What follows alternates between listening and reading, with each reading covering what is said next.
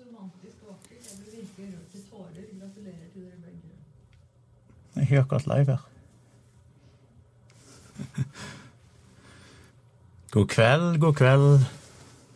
Er det noen folk her inne i kveld? Fredagskvelder pleier å være en overraskende dårlig kveld å kjøre livestream på, men nå gjorde jeg ikke noen ting i går, så jeg fikk så lyst til å bare hoppe litt inn her og se om det er noen folk. Med min Cola Zero som vanlig.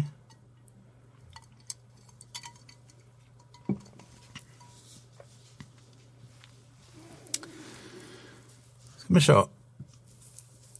Hvorfor blir det flere folk når jeg faktisk går live? Er det fordi at eh, det er random folk som uh, ser det? Hm. Ja, men det er hyggelig hvis dere er med meg. I går så ble det ikke noen livestream, fordi jeg var I går tok jeg meg rett og slett en slags sjukedag, og det er ikke så ofte jeg gjør. Jeg våkna opp og følte meg bare crap, på et vis. Klarer ikke helt å definere hva som var galt. Det ene var at jeg våkna med sinnssyke smerter i øyet. Dere som har fulgt med, vet at jeg har vært plaga av tørre øyne. Så omtrent siden eh, denne tida i fjor, eller slutten av november i fjor, så begynte jeg å våkne opp med sånn intense smerter i venstre øye. Og det var litt av og på, og jeg har fått forskjellige spesialister til å se på det. Det er ikke noen god behandling egentlig, ser det ut til. Får bare prøve å holde øynene mine fuktige og se hva som skjer. Og det var ganske lenge siden jeg har hatt sånn intense smerter, men i går våkna jeg opp med det. Og så lå jeg med det i en times tid, og så gikk det litt over, og så sovna jeg bitte grann igjen, og så våkna jeg på nytt, og så var det vondt igjen. Så jeg i Jeg måtte jeg ut med hunden, og så gikk jeg inn i stua og la meg på sofaen, og så ble jeg liggende der og sovna igjen, og så følte jeg meg bare dårlig. Jeg tror de smertene og bare gjorde meg eh, Ja, ga meg en dårlig allmenntilstand. Så i går ble jeg stort sett liggende og se på YouTube og ikke gjøre så mye spennende. Og når kvelden kom, så var jeg trøtt og dårlig, så jeg eh, la meg rett og slett droppe hele livestreamen.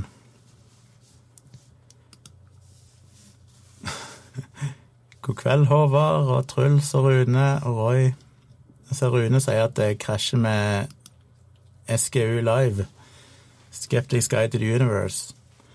Ja, du får velge. Det går an å ha to vinduer, da. Flippe litt mellom de. Det er jo gøy at andre kjører livestreams. Jeg ser eh, Som jeg sa sist, jeg vet ikke hvor vanlig det er å kjøre livestreams her i Norge. Jeg ser en og annen person i utlandet som jeg følger, kjøre en livestream i ny og ne. Men eh, jeg har iallfall valgt å gjøre det. SGU Live, ja.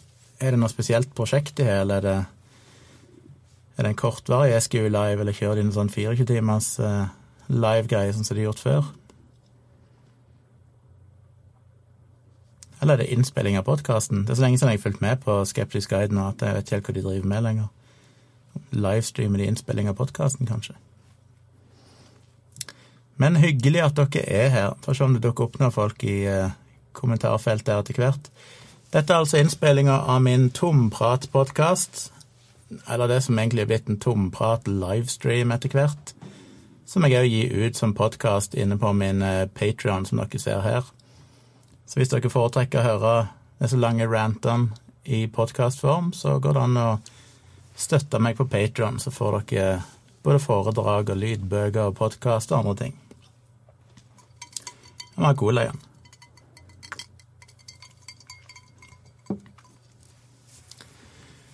Rune sier at SGU kjører livestream hver fredag i koronatida. Ah, ja. Hm. Interessant. Eivind går rett på de harde spørsmålene og sier at uh, som en del av budsjettforhandlingene er det nå klart at både naprapater og osteopater skal bli godkjent offentlig og få autorisasjon som helsepersonell i Norge. Hva faen skjer? Noen tanker?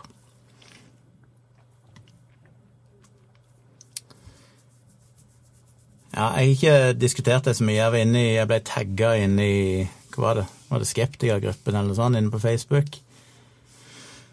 Der noen henviser til noe de mente jeg hadde sagt eller skrevet om napropater naprapater og osteopater. Og så var jeg inne og skrev et par kommentarer bare for å klargjøre litt, og så siterte jeg i noen avsnitt fra placebo-defekten boka mi, der jeg har skrevet et helt kapittel om kiropraktorer. Og der jeg òg da toucher innom naprapater og osteopater. Og mm, jeg er jo overraska over at kiropraktorer har fått den statusen de har fått. Jeg skjønner ikke helt hvordan de klarte det, å få mulighet til å eh, kunne sjukemelde og henvise til røntgen og alt mulig rart. Eh, og nå ser det ut til at naprapater og osteopater følger i kjølvannet. Jeg er litt usikker på hva som er tanken bak det, for etter mitt syn så er jo det regna som alternative behandlinger.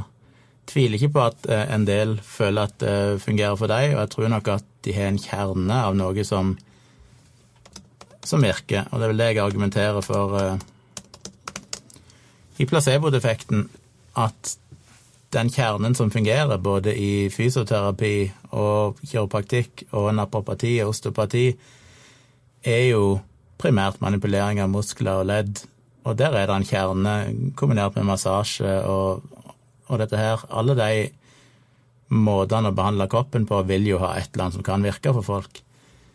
Men sånn jeg oppfatter det, så er det egentlig Jeg, jeg skulle egentlig ønske at vi holdt dere til egentlig manuellterapeuter, for det er de som har De har vel bortimot sju års utdanning og praksis før de kan behandle. Og jeg tenker meg at det er de best egnet til å gjøre det. Og så ser jeg for meg at eh, kiropraktikk og naprapati og osteopati er jo på en måte denne her kjernen av manuell behandling som kan ha en effekt, og har en effekt hvis det gjøres riktig. Men så skjønner jeg ikke helt hvorfor du må ha de avartene med kiropraktikk og osteopati og naprapati. For meg ser det ut som at det er Altså, alle de springer ut fra et alternativt syn, der det handler om å manipulere energier osv. Selv om sikkert få av de i dag vil snakke på den måten. Men det føles jo som at alt det som er i tillegg til manuellbehandlinga, egentlig er en slags staffasje som er der for å øke markedsverdien, for å gjøre det lettere å selge, for å gjøre det enklere å appellere til enkelte grupper mennesker. Og all den staffasjen er jo primært svada og placebo. Men eh, ja, så jeg syns jo det er veldig merkelig at de skal få offentlig godkjenning Jeg tror ikke det er de verste, selvfølgelig. Det er nok ikke de som gjør mest skade. Og det kan være at en tenker at siden ryggproblemer, muskler og ledd og sånn er det største helseproblemet vi har. Kanskje det regnes som samfunnsøkonomisk fornuftig å tilgjengeliggjøre flere behandlere, men det forutsetter jo da at de faktisk kan gjøre noe med det, og det er det jo ikke veldig god evidens for. For moro skyld så kan vi jo se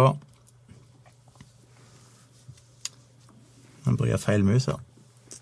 Lager se hva NAFKAM skriver om osteopati.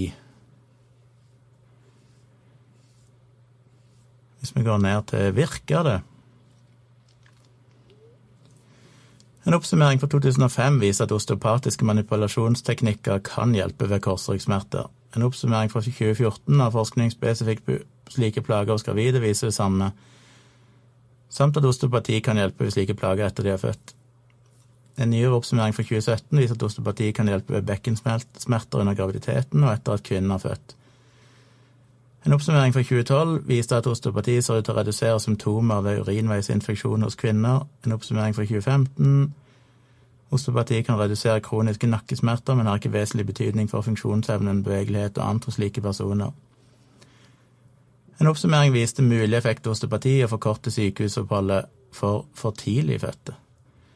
Denne forskningen fokuserte imidlertid mer på økonomi, kost-nytte ved sykehusopphold enn på klinisk helsemessig effekt av behandlingen. Studiene de undersøkte, var små og eller hadde metodiske feil eller mangler. Funnene i de enkelte studiene sprikte for mye til at de burde trekke slutninger fra. Det var vanskelig å skille direkte behandlingseffekter fra effekter av å gå til en terapeut, og eller funnene av effekt var små og uten klinisk betydning for pasienten. For de ovennevnte bruksområdene vil vi da si at osteopatisk behandling er utilstrekkelig dokumentert.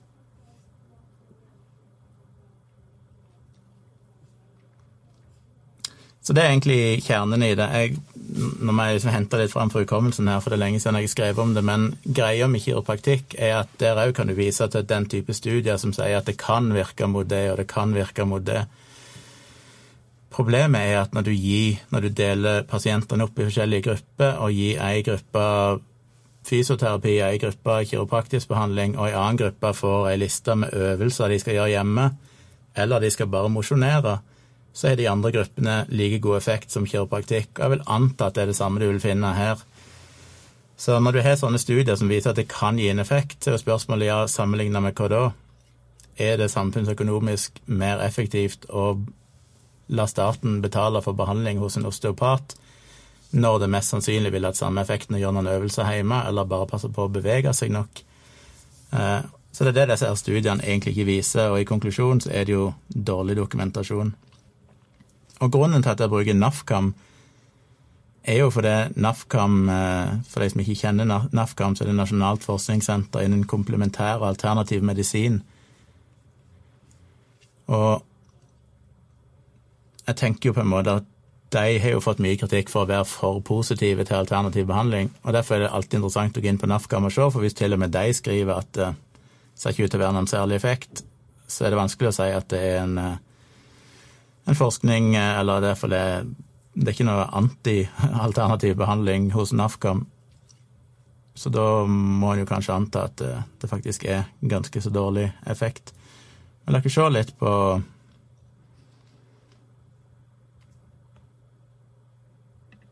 en av disse studiene for moro skyld.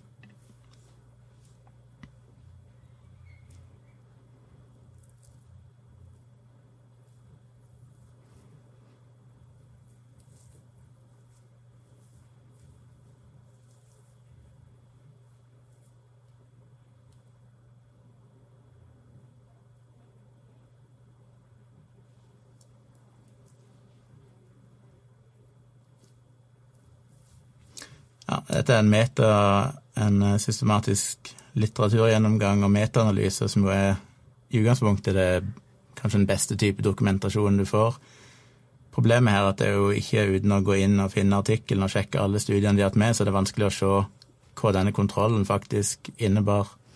Det står at det er randomiserte, kontrollerte studier.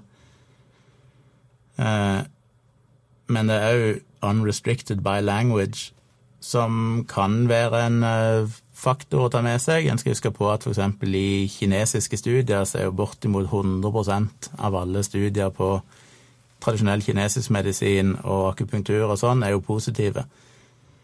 Så det tyder jo på at det er en ekstrem eh, bias i publisert forskning fra Kina. Og derfor er det jo ofte en kanskje rett og slett unnlater å ta med den type studier. Men her tar jeg det med alle forskjellige språk, det kan være at de tar med f.eks. kinesiske studier som ser ut til å lide veldig av denne effekten der du faktisk ikke publiserer negative studier i det hele tatt. Så gudene vet. La oss se på naprapati, osteopati. Der sier altså de at det er dårlig effekt.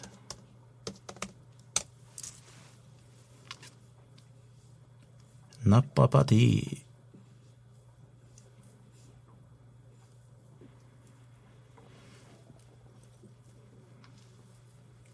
Her sier de jo at de så sent som i mars 2020 så finner de ingen, ingen forskningsgjennomganger som viser, eller som har sett på naprapati.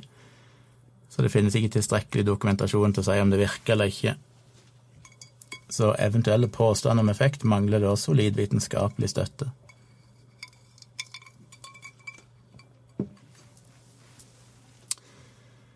Så det er jo ikke så veldig overbevisende verken naprapati eller osteopati har noen solid vitenskapelig støtte. Men se hva de har skrevet om kiropraktikk i det siste. Nå staver jeg det feil.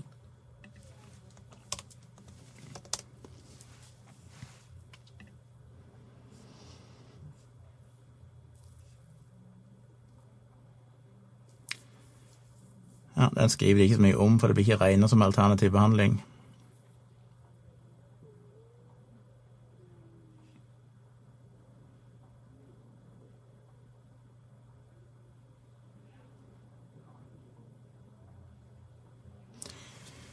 Så det eneste positive jeg kan si egentlig om at sånn som nei, at eh, en osteopati og naprapati blir innlemma på en måte i det offentlige helsevesen, er jo at det gir en bedre pasientbeskyttelse. For det er jo veldig viktig å huske på. Når det gjelder alternativ behandling, så er det så er det praktisk alt ingen forbrukerrettigheter i det hele tatt. Hvis du går til en alternativ behandler utenfor et sykehus eller utenfor offentlig helsevesen, som jo der de fleste regner med får det, så har du ingenting du skulle ha sagt hvis du blir feilbehandla, eller hvis du blir dårligere eller skada eller et eller annet sånt, annet enn å kanskje anmelde det til politiet. Fordi det finnes ikke noe, noe organisasjon innenfor det alternativet som på en måte ivaretar pasientrettigheter på den måten som det er hvis du blir feilbehandla innenfor det offentlige helsevesen. Da det jo er det masse rettigheter, krav på erstatning, og det vil bli reagert mot eventuelle folk som har gjort noe feil. De kan miste autorisasjonen og alt dette her. Innenfor alternativ behandling så finnes jo ikke det. Så det er jo noe du gjør på egen risiko. Kiropraktorer er jo da allerede beskytta av pasient- og brukerrettighetsloven, fordi at de er godkjent som eh, si, skolemedisin, for å bruke det uttrykket. Så det vil jo være en slags fordel hvis du får osteopati og naprapati inn, det at pasientene i det minste er bedre beskytta. Og jeg tror ikke skadevirkningen er Dette er helt subjektivt, men jeg tror ikke folk ser på osteopati og nefropati som så alternativt som det de kanskje gjør med akupunktur og homopati og sånn. Og dermed er jeg ikke sikker på om skaden på på en måte hvordan, hvordan folk forholder seg til, til alternativ behandling og skolemedisinsk behandling, er i så stor risiko.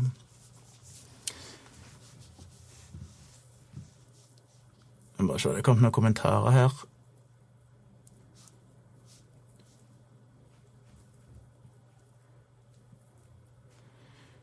Mange som har kommet inn, det er hyggelig. God kveld til alle.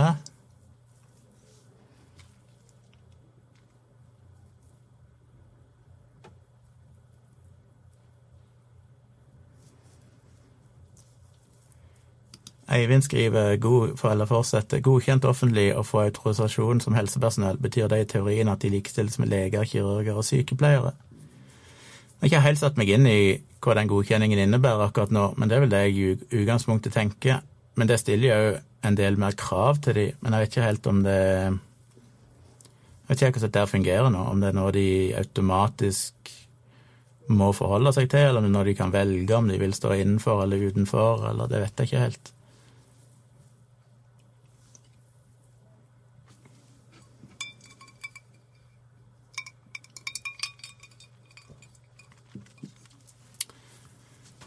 Skal bare google en ting her, for jeg fikk et spørsmål.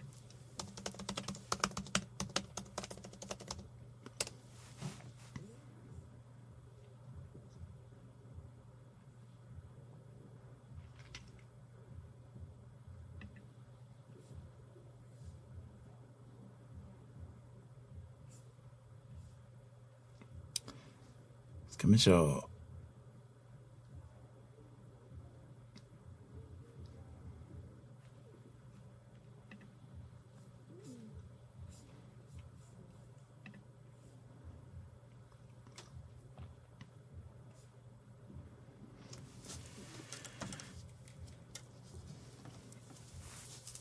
nei, Kristoffer spør uh, hva tenker du om den danske studien om munnbind? Kari Jakkesson er fast bestemt på null effekt. Jeg har lest en artikkel at munnbind kan gjøre deg mindre syk fordi man får mindre virusmengde i kroppen. Uh, det er ikke mye tvil lenger om at munnbind har en beskyttende effekt. Det er evidensen ganske overveldende for akkurat nå. Den danske studien er jo interessant på flere måter. Jeg har ikke egentlig satt meg veldig mye inn i den tidligere, fordi at jeg ikke så veldig opptatt av disse enkeltstudiene. Jeg er mer opptatt av folk som ser på forskningen som en helhet. Men det er jo nettopp det som er så typisk med folk som Kari Jakkesson, at de finner én studie som forteller de det de ønsker å tro, og så bare ignorerer de alle andre studier som sier noe annet. Så å henge seg opp i én studie er ganske meningsløst.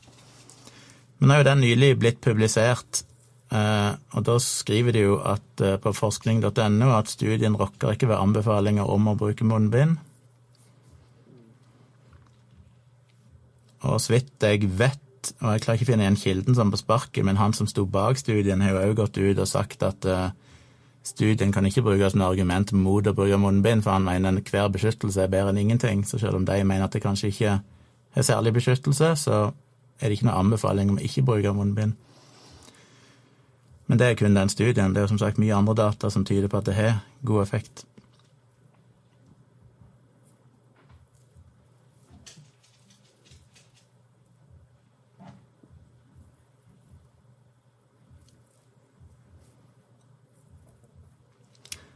Ja, så det de studerte, var at uh, de gjennomførte forsøk i mai 2020. Det var ikke noe påbud om å bruke munnbind i Danmark. 6024 personer ble delt tilfeldig inn i to grupper.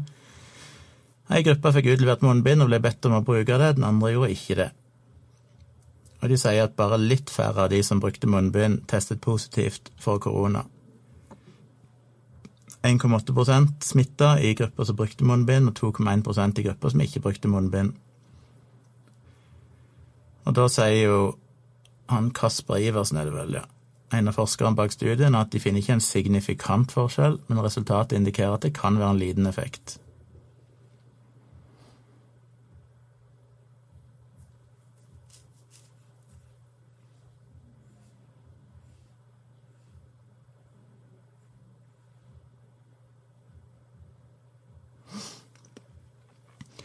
Det første jeg tenker når jeg ser en sånn studie, det er jo alltid ja, Det er litt som med disse vaksinestudiene. Når de skal teste disse nye koronavaksinene, om de virker, så er du avhengig av en viss smitte i samfunnet, for ellers tar det fryktelig lang tid å finne ut om det blir flere smitta i den ene gruppa sammenlignet med den som får placebovaksine.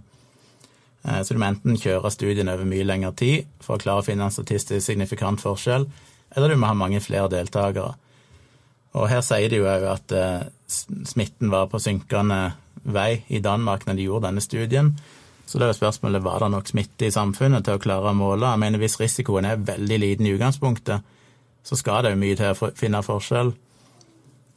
Så det kommer jo veldig an på. Så vet jeg heller ikke noe om eh, hvor gode data de hadde på om de som ble, fikk utdelt munnbind, faktisk brukte det, og hvor de brukte det, og alt det der. Eh,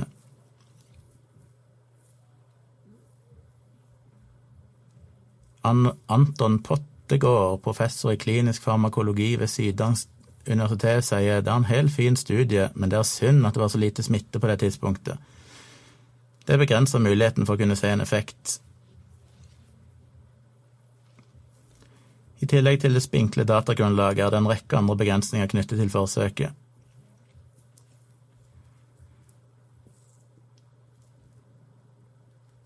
Studien kan ikke konkludere med at anbefalinger om bruk av munnbind i samfunnet ikke kan redusere smittespredning. Den viktigste begrensningen er at funnene ikke gir noe klart svar. Den statistiske usikkerheten innebærer at bruk av munnbind kan bety alt mellom en reduksjon på 46% og en stigning på 23% i smitterisiko for brukeren. Studien gir bare evidens for graden av beskyttelse i omgivelser der andre ikke bruker munnbind, og hvor andre restriksjoner, slik som sosial distansering, gjelder.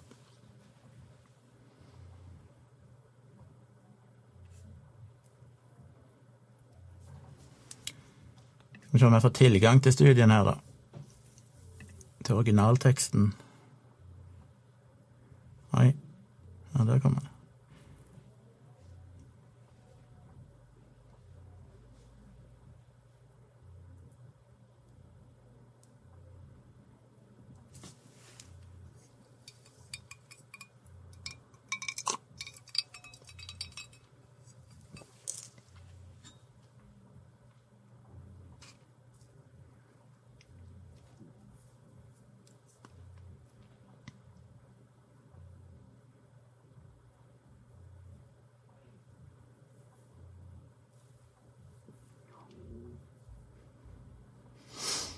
Ja, så dette er jo en studie Hvis jeg hadde drevet og, og brukt dette her Når jeg jobber med å skrive bloggposter og, og, ser på forskning på en eller annen påstand, så er det jo viktig å se på, på, eh, på disse her tallene her nede, for de forteller deg en del. Når du ser at det går fra minus 1,2 til 0,4, så vet du i utgangspunktet at her er det ikke veldig gode resultater fordi den passerer én. Den går både på minussida og plussida av én. Så det vil si at eh, resultatet er veldig usikkert. Det er en stor usikkerhetsmargin. Og P ligger 0,38. Vi ønsker jo i forskning at den skal være, selv om det er et relativt tilfeldig satt tall, skal være på 0,05 for å anses som statistisk signifikant.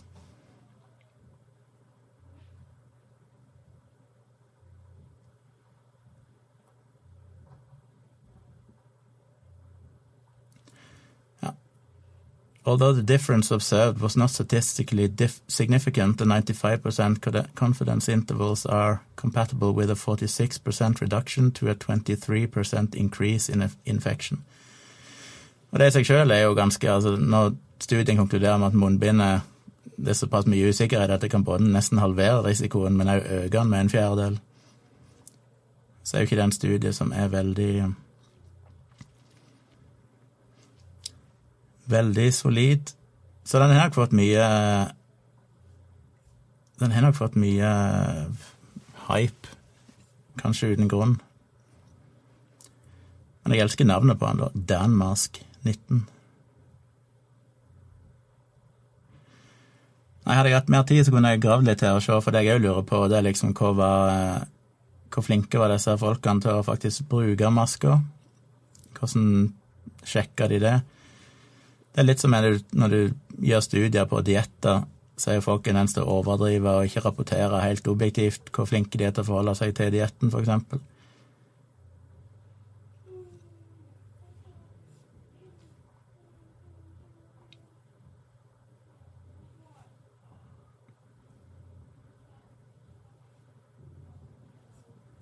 Jeg skal ikke grave mer i den.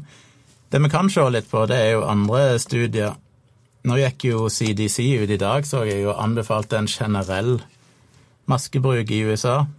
Fordi de mener det er såpass god evidens nå for at uh, maske virker, at de vil rett anbefale folk å, å, bruke det på generelt basis, både privat og offentlig. Hvis vi ser litt på uh, forskningen her, som jeg skrev om i en bloggpost kan vi se litt på de dataene Jeg merket at jeg bare 'accept all cookies'.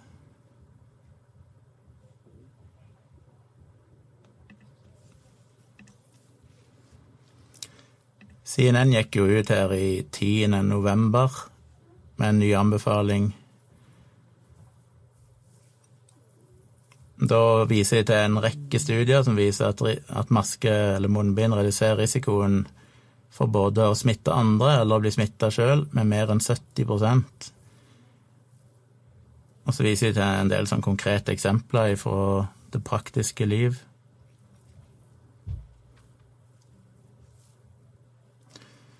Så CDC er jo ganske tydelig på det akkurat nå, at uh, evidensen for maske ser ut til å være på plass. Og det syns jeg vi skal forholde oss til. Ser ikke noen grunn til at CDC skulle lyge om det, og dette blir jo vurdert av mange forskere som ser på det i hele verden.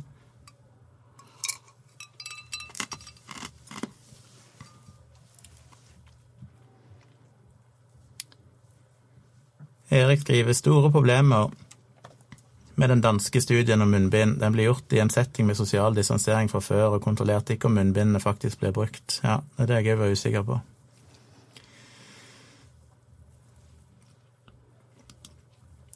Karoline skriver hei, jeg så på Tones YouTube at dere er forlovet. Gratulerer så mye. Spørsmål?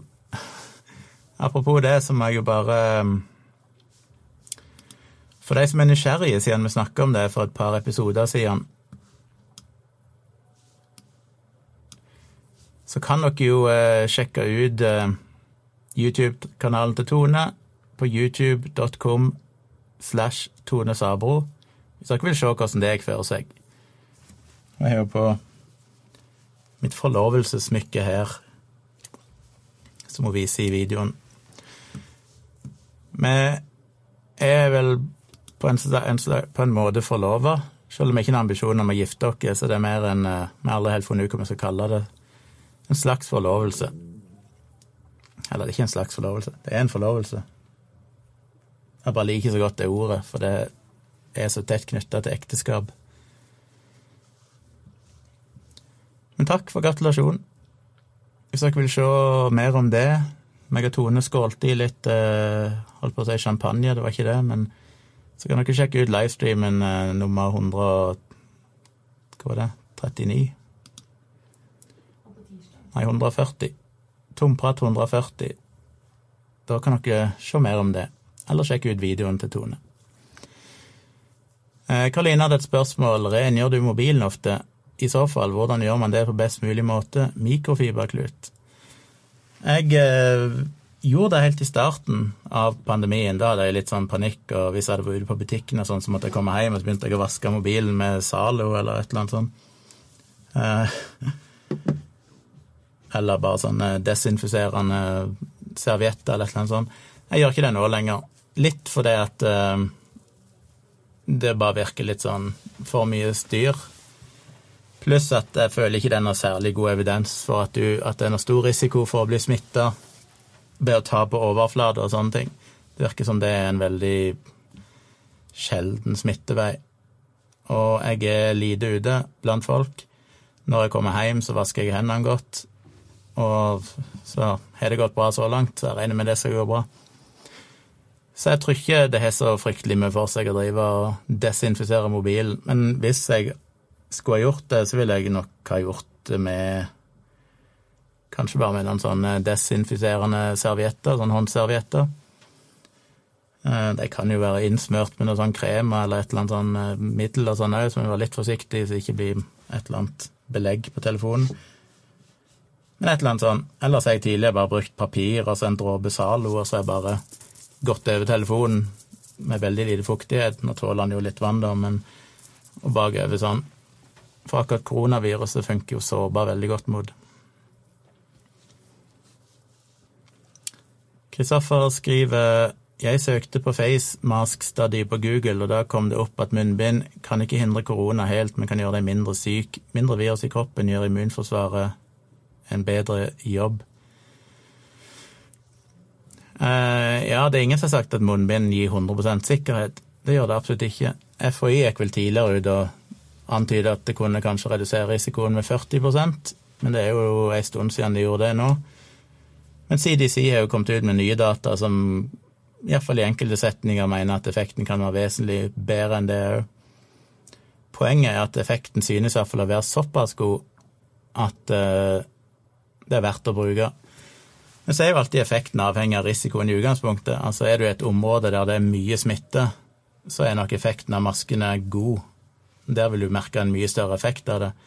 Men det er klart at når det er lite smitte i samfunnet, så skal veldig mange bruke masker før du forhindrer ett, en, at én person blir koronasmitta. Så det er jo en slags vurdering en må gjøre, men risikoen eh, blir jo en del mindre ved å bruke maske, så jeg ser ikke noen gode argumenter for ikke å bruke det.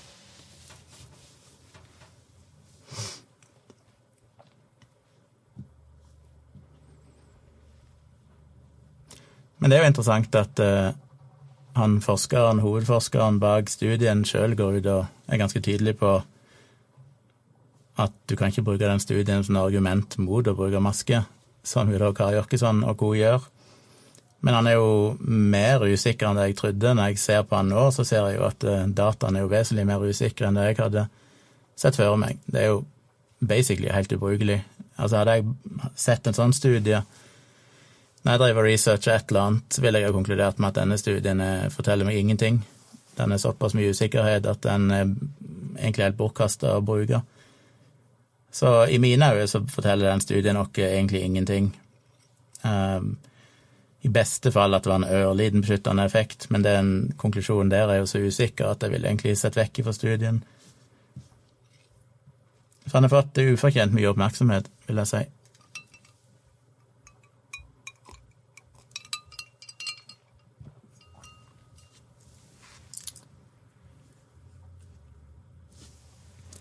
Ellers jeg har jeg jo fått Jeg ser jo i kommentarfeltet på denne videoen min, den siste videoen jeg hadde om Kari Jakkesson Syns det er interessant å se hva som dukker opp av kommentarer.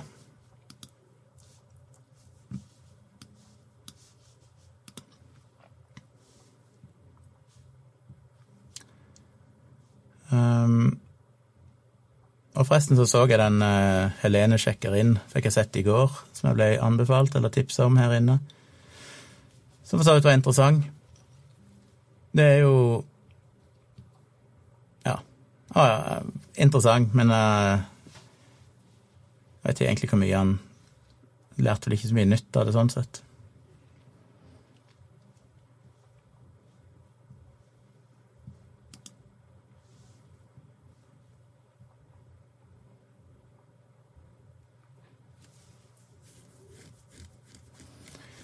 G. Gloersen skriver er ikke noe av poenget at masken, at masken at den beskytter andre mot smitte dersom du selv har smittet.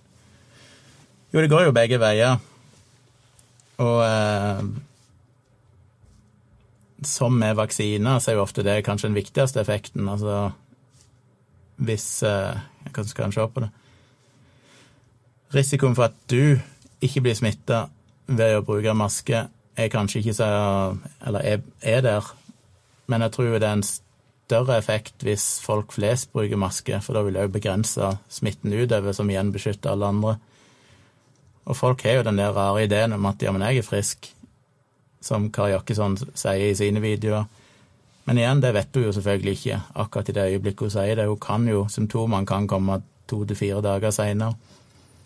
Så det å innbille seg at en er frisk, er farlig. Men det er det som jeg tenker det viktigste. For meg så handler det jo mye om hensyn til andre. Jeg har jo selvfølgelig ikke lyst til å bli smitta sjøl, men det er noe med at det gir en viss økt trygghet. Hvis du er på en buss som er full av folk, så er det klart at hvis alle bruker maske, så sier det seg nesten sjøl at risikoen vil være noe mindre enn om ingen bruker maske.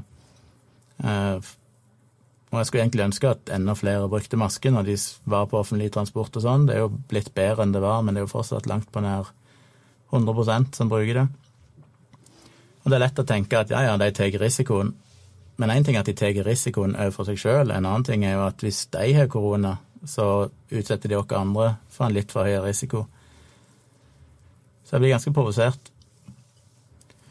Alpehyl skriver i kommentarfeltet mitt 'Hvorfor denne hetsen mot Kari Jakkesson?' Ja, dette har vi snakket om før. Å kalle det for hets, det jeg gjør i den videoen, er ganske uredelig, vil jeg si. Så skriver han videre, eller hun, hvem den er, hvorfor ikke stille spørsmål ved f.eks. hvorfor munnbleie ikke fungerte i vår, men nå er man plutselig en slem egoist hvis man ikke bruker det? Og svaret på det er jo at uh, vitenskapen har gått framover siden den gang. Det var ikke anbefalt i vår av to grunner. Det ene at det var kanskje ikke nok data på at det var god effekt, men òg en viktig grunn var at det var begrensa antall munnbind. Sånn at hvis alle ble oppfordret til å bruke munnbind, så ville det være vanskelig å få nok munnbind til helsepersonell, og risikoen, eller effekten av at helsepersonell bruker det, er mye større enn det for den jevne person. Eh, så det var jo en viktig grunn, iallfall tidlig i USA eh, sin eh, historikk med pandemien så var det jo en anbefaling om å ikke bruke munnbind. Den var jo mye drevet, så vidt jeg har skjønt, av rett og slett at det var for få munnbind, og de ønska ikke å gå tom for de. Og det er klart at hvis du er helsepersonell og jobber med syke pasienter, så er det jo mye viktigere at du har munnbind, både for din egen skyld og ikke minst for pasienten sin skyld, enn at en jevne person som kan praktisere sosial distansering og holde seg inne, sånn har det. Men etter det så er det jo kommet mye mer tilgang på munnbind, og så har òg dataen etter hvert på at de ser ut til å virke, økt. Og dermed så har det endra seg. Og det er det som er litt rart med sånne spørsmål. Hvorfor ikke stille spørsmål ved f.eks. hvorfor munnbleie ikke fungerte i vår? Eh, jo, selvfølgelig, ja, det er det der klassiske med at hvis du er uenig med denne personen, så er du tydeligvis ikke tenkt deg om. Denne personen som skriver kommentaren, har aldri tenkt så langt som at kanskje det er en grunn til dette, kanskje det er denne personen som tar feil og ikke har tenkt seg så veldig mye om, eller ikke egentlig stilt spørsmål ved det. For hvis du stiller spørsmål ved det, så finnes det jo svar å finne, som jeg nettopp ga dere. Så skriver han videre tiltakene gir jo null mening. Folk tør ikke uttale seg, men det er mange som er kritiske til disse tiltakene for en sykdom med så lav dødelighet. Ja, Som jeg snakka om i forrige podkast, så er jo ikke dødeligheten alene det vi er opptatt av. Det er òg hvor mange som blir syke, hvor mange som blir smitta, og effekten det vil ha på, på eh, sykehus og intensivavdelinger osv.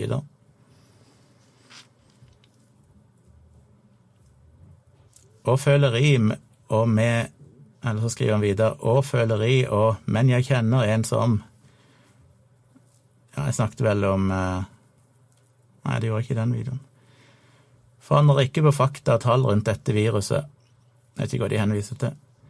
Munnbleie er et alvorlig inngrep i folks liv. Nei, det er det virkelig ikke. Og det er det som er det mest patetiske med den der motstanden mot munnbind. Det, det er virkelig ikke et stort inngrep. Jeg skjønner at det er ubehagelig. Jeg skjønner at det er mye mer trivelig å gå uten munnbind. Men i den situasjonen vi er, så er det vanskelig å hevde. Det sier jo litt om hvor bortskjemte vi er her i Norge. Hvor ufattelig enkelt vi har det. Når dette med å måtte bruke munnbind fører til at folk går i protesttog og snakker som om de bor i et diktatur, et terrorregime. Det er helt ufattelig at uh, folk kan være så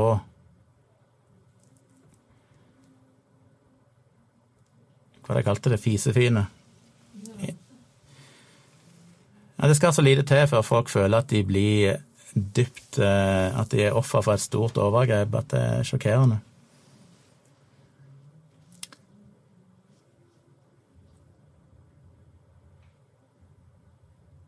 Så kommer de her smarte kommentarene som 'Respekt for Kari. Korona er en fake virus. I realitet har vi ingen farlig virus, bare billig propaganda'. Ja, ja.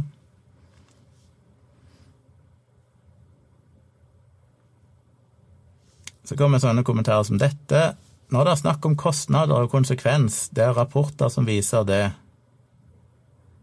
Ja, Det er jo litt problemet med disse kommentatorene. Ofte er det umulig å skjønne hva de egentlig prøver å skrive.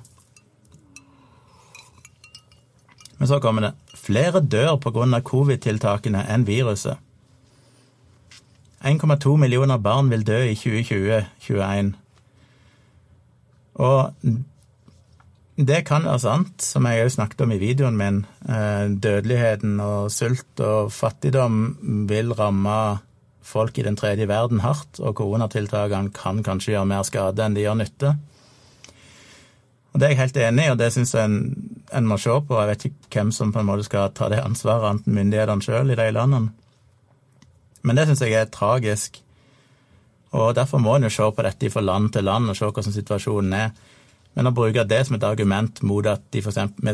ikke skal ha noen sosiale restriksjoner eller distansering eller munnbind og alt dette her i Norge eller i Sverige eller i USA, der det er helt åpenbart at for det første så reduserer det dødelighet. Bare se på Norge kontra Sverige nå. Sverige går det jo bare verre og verre med. Norge går det fortsatt sjokkerende bra med. Um, og når det gjelder eh, de negative konsekvensene, så har vi ikke sett noen gode data på det. Det var jo masse mange folk, inklusiv meg sjøl, som i starten frykta at det kunne føre til økt antall selvmord og sånne ting. Foreløpig er det jo ingen data som peker i den retning. Så det å si at flere dør pga. covid-tiltakene enn viruset, kan være rett i helt andre deler av verden, men det er fryktelig lite relevant for hvordan vi skal forholde oss her i Norge.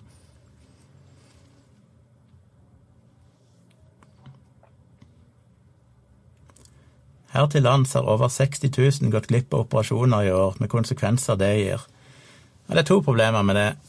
Det første er jo det at uh, Selvfølgelig er et sånt tall misvisende, for de fleste av de operasjonene er jo på ingen måte livsnødvendige. Det er jo ofte mindre inngrep og, og, ting som Men jeg skjønner at det er et problem, selvfølgelig, at du må forsinke andre typer behandlinger, at andre folk blir lidende. Men da lurer jeg virkelig på hva i all verden denne personen tror hadde skjedd hvis vi ikke hadde hatt disse tiltakene. Hvis intensivavdelingene og sykehusene var blitt oversvømt av koronapasienter, hvordan i all verden tror de at det hadde gjort det bedre? Jeg lurer på om de tror at fordi vi stenger ned samfunnet, så har vi stengt ned sykehusene òg. Tvert imot, sykehusene går jo i høygir. Og ja, det har vært omprioriteringer, men det er for å ta høyde for at det kan bli mange syke. Og det ville blitt mange syke, mange, mange flere syke hvis vi ikke hadde hatt disse tiltakene. Så jeg har ikke fatta en sånn kommentar som det, og snakke om at mange har gjort glipp av operasjonene sine pga. at vi har stengt ned samfunnet. Men så tenk deg litt om Tenk hvordan hadde det gått hvis vi ikke hadde stengt ned samfunnet. Tror du virkelig at flere hadde fått operasjoner da? Nei, det hadde gått enda hardere ut over alle som står og venter på en eller annen behandling. Og Det er jo nettopp derfor disse tiltakene har blitt innført, det er for å prøve å minimalisere de konsekvensene for andre pasienter.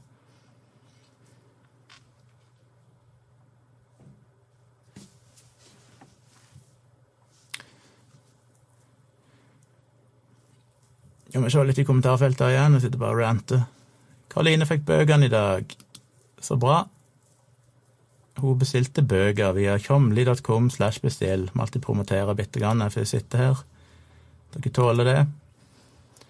På tjomli.com slash bestill kan dere bestille bøker. Jeg har julerabatt akkurat nå, så alle bøkene er litt billigere enn normalt. Så det går an å bestille bøker i julegaver. Så sender de ut med signatur og hilsen.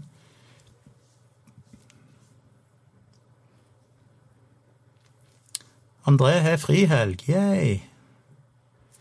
Det var jo noe nytt. Da må du henge på her.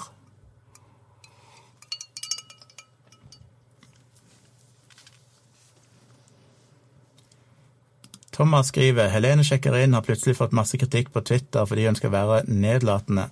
Det var denne krenkekulturen, da. Er selv barnevernsbarn og likte episoden fra et barnehjem svært godt. Veldig bra at noen viser hvordan det er å være på ulike institusjoner, og ganske imponerende at man får det til i disse tider med strengt personvern. Syns Helene Sandvik er respektfull og fyller rollen på vegne av oss uvitende seere godt. Uvitende seere godt.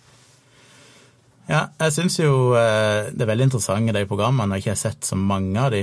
Men det er interessant å komme inn og se ting du ikke har sett før. Men jeg er nok òg litt enig i at du kan fremstå litt nedlatende av det, og litt sånn uh, ja, litt sånn seg selvfølgelighet og skal være litt for sånn sympatisk for folk og behandle de litt mye som barn til tider. Så jeg, jeg, skjønner kritikken, men som med alt annet, det at det er ting å kritisere, betyr ikke at programmet er helt verdiløst. Det er mye bra med programmet òg. Men eh, ikke sånn 100% fornøyd jeg heller med måten hun fremstår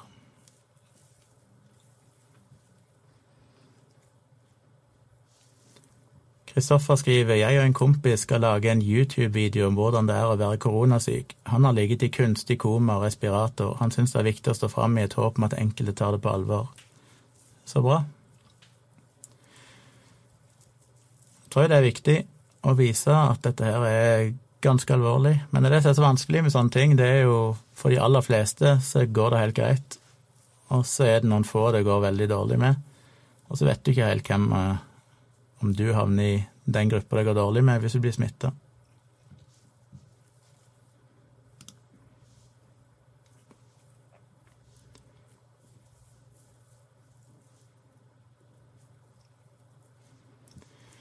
Lykkens Pamfilius skriver for lite tiltak, full lockdown i tre uker hadde gjort susen. Altså, jeg har jo kjørt full lockdown på meg sjøl. Jeg, jeg er jo praktisk talt ikke ute. Eh, jeg er ute en liten tur i bakgården, si, eller rett rundt blokket her, bare for å gå tur og lufte hunden. Men utenom det så har jo ikke Jeg har vært en annen tur på posthuset og på butikken med munnbind, men det er bare rett inn og ut igjen. Så jeg har jo ikke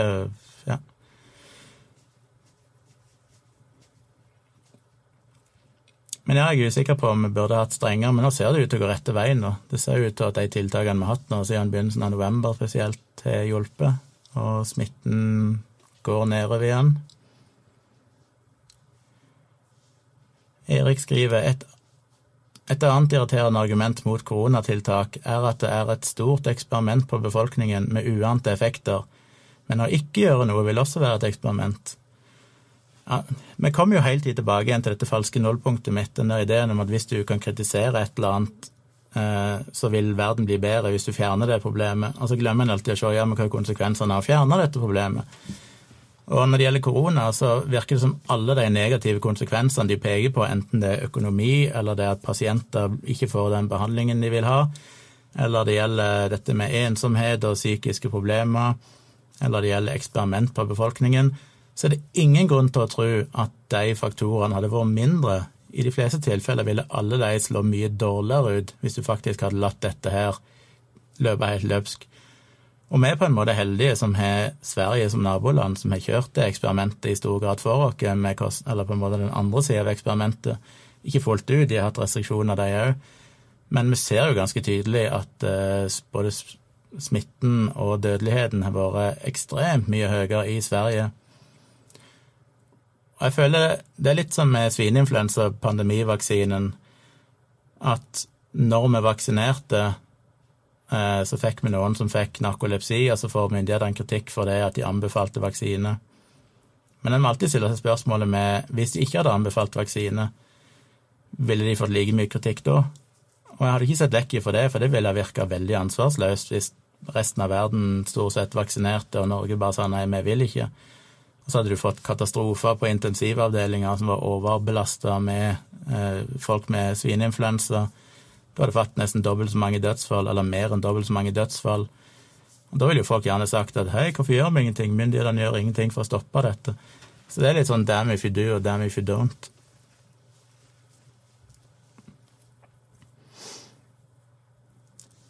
G. Gluersen. Så vanskelig navn dere har. Mitt store håp er at vi når dette koronapandemien er over, at vi skal lure på hvorfor vi hadde slike inngripende tiltak for de så få ble rammet. Ja, det kommer jo til å skje helt garantert. Ja, det er jo akkurat som med vaksiner og sånn òg, som jeg snakker om mye. Folk skjønner ikke hvorfor vi vaksinerer når det er jo ingen som blir syke av meslinger likevel.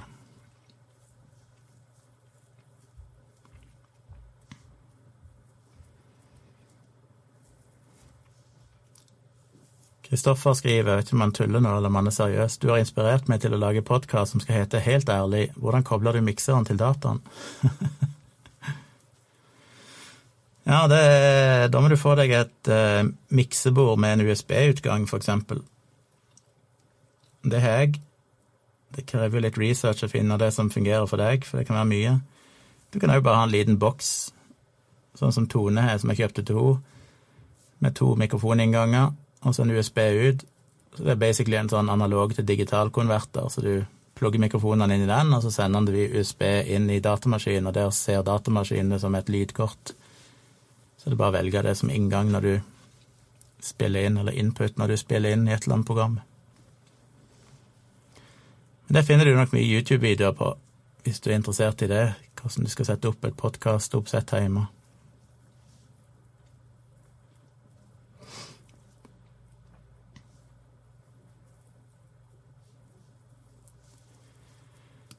Sigve skriver noe jeg finner Én ting bare med det Helene sjekker inn som ikke jeg skjønte, som noen kanskje kan forklare meg. Jeg regner med det er en god forklaring. Jeg tror ikke folk er idioter på sykehusene. Men det var så overraskende for meg at ingen av de som jobba der, brukte munnbind sånn til vanlig.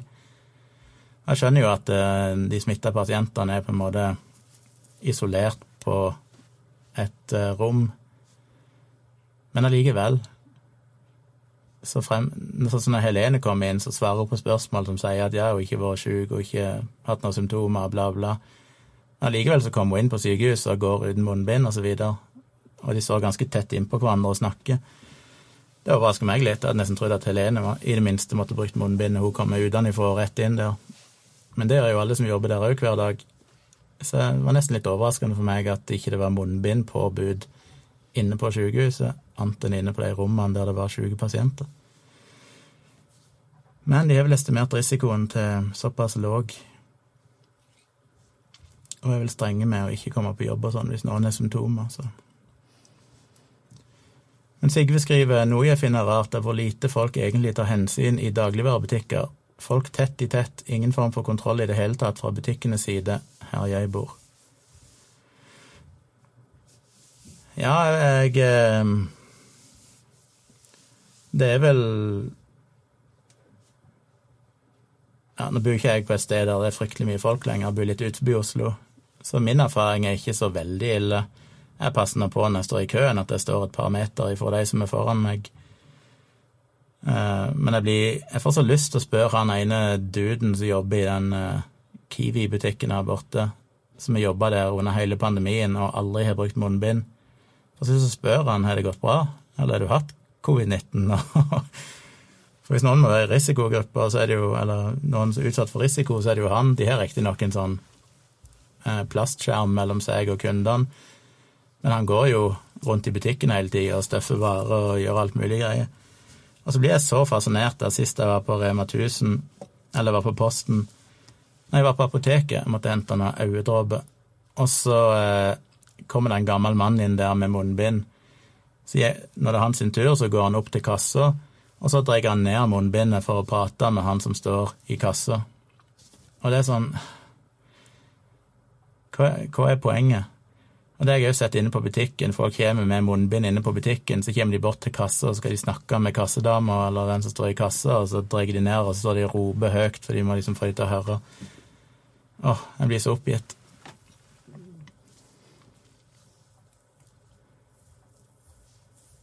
Men ja, det er sikkert eh, verre i Jeg har ikke vært på noe sånn shoppingsenter og sånn på lang tid.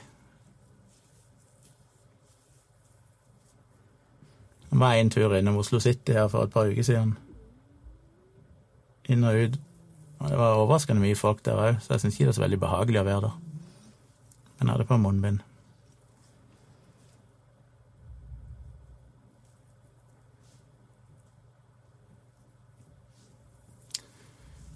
Søgleknug anbefaler Yamaha AG0306.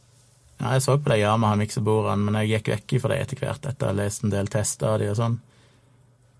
De virker ikke Det det sto for mellom meg, var dette Allen Heath-miksebordet, som jeg endte opp med å kjøpe, som er en Z60 TFX. Eller uh, Soundcraft har noen gode. For for meg var det viktig med at de har liten egenstøy i preampene på mikrofoninngangene. For det er slitt med. Jeg hadde jo et Behringer-miksebord tidligere. Gammelt Behringer-miksebord, og det var det så mye støy i. Og det, etter å ha lest utallige forum og folk som har prøvd de forskjellige og testa og sånn, så virker det som at Alan Heath og Soundcraft sine var de som var mest stille, og hadde de beste preampene. Og så kommer det selvfølgelig an på hva du trenger. Jeg trengte, Det fins jo mindre versjoner av det miksebordet her som er enda billigere, men jeg trengte å gå opp litt i størrelse, for jeg måtte ha muligheten til å rute lyden fram og tilbake og alle de mulighetene som finnes her. Men hvis ikke en er så avanserte behov, så kan du klare det med noe ganske lite som koster en ja, det er ikke, de er, Jeg er sjokkert over hvor billig de miksebordene egentlig er.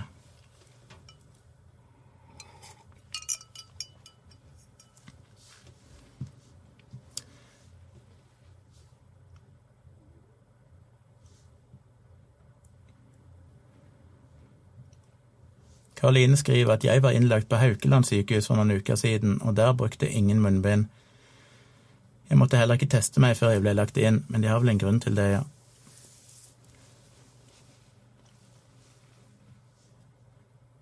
Jeg vil jo anta at de har god ventilasjon på sykehus, og de er veldig nøye med å desinfisere hendene og sånn hele tida.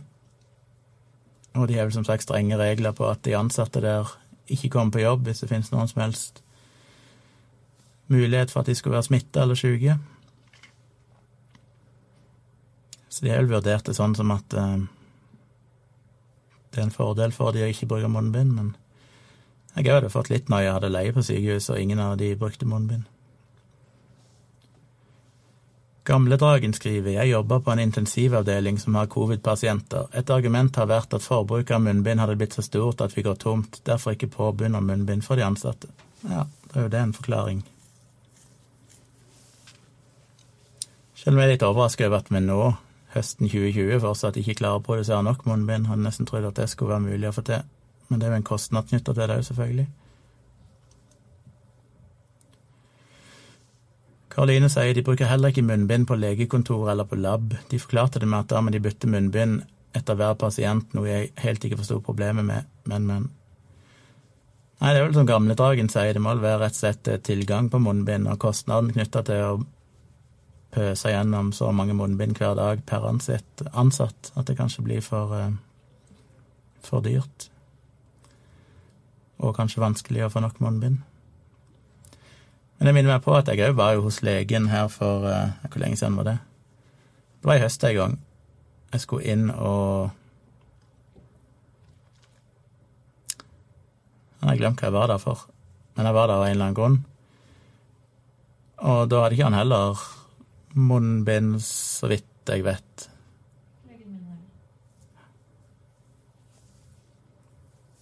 Men de var i det minste strenge på at alle vi andre måtte bruke munnbind. Det er jeg ganske sikker på om vi gjorde. Ja, vi gjorde det.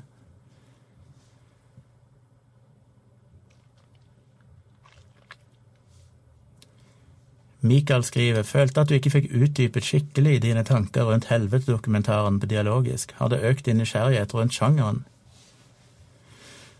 Fikk jeg ikke utdypa skikkelig, jeg følte vi snakka litt om det. Men eh, jeg hadde jo snakka mye om det her på livestreamen dagen før, eller noe sånt. så kanskje derfor eller to dager før. Har det økt min nysgjerrighet rundt sjangeren? Nei, det kan jeg ikke si. Det er ikke sånn at jeg etter å ha sett det fikk veldig lyst til å høre på svartmetall. Men eh, som jeg vel sa både i livestreamen og i dialogisk, så, så økte det nok litt min respekt lite grann. Som det som regel gjør når jeg ser musikkdokumentarer og får litt mer inside information. Da blir jeg alltid litt mer sånn Øker respekten min litt mer for de folkene som driver på med dette.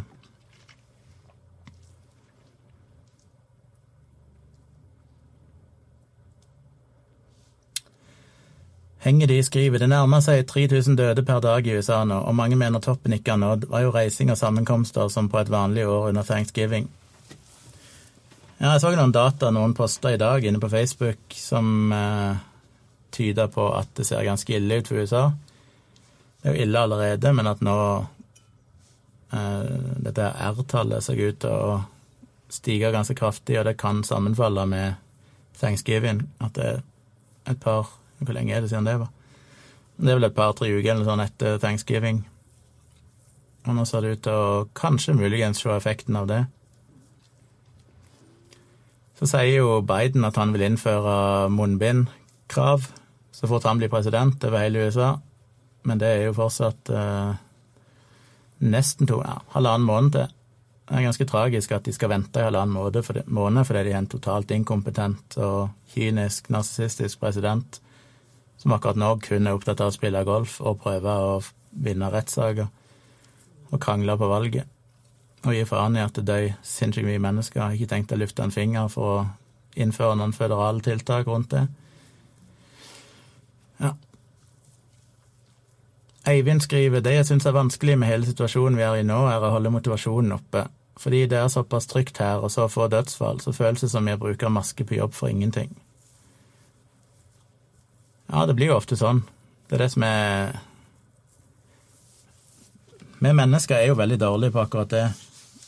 Jeg har jo sjøl sett et klassisk eksempel er jo folk jeg kjenner som har gått på medisiner mot ulike psykiske eh, psykisk sykdom, eller tilstand, eller hva du kaller det.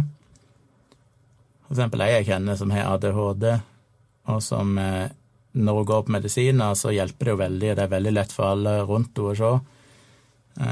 Kan jo si til henne om hun hadde tatt medisin den dagen eller ikke, for du merker det såpass mye på oppførselen. Um, men når, hun gikk på medisiner, så gikk jo alt så bra. Så hun skjønte ikke hvorfor hun trengte medisinene. Så slutter hun på dem, selvfølgelig. Og så går det jo dårligere. Og så innser hun at oi, shit, jeg må kanskje begynne på medisiner igjen.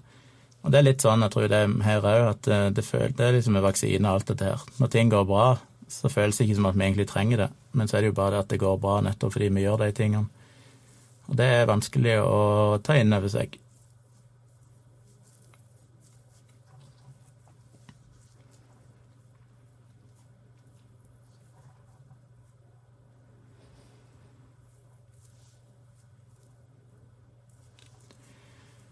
Gamledragen sier det er innført andre tiltak, som f.eks. visir som kan sprites flere ganger. Er du inne hos en pasient med covid, er det selvsagt fullt smittevernutstyr. Ja, det skjønner jeg, og det så jeg jo på den uh, Helene sjekker inn òg. Og det er selvfølgelig viktig og bra.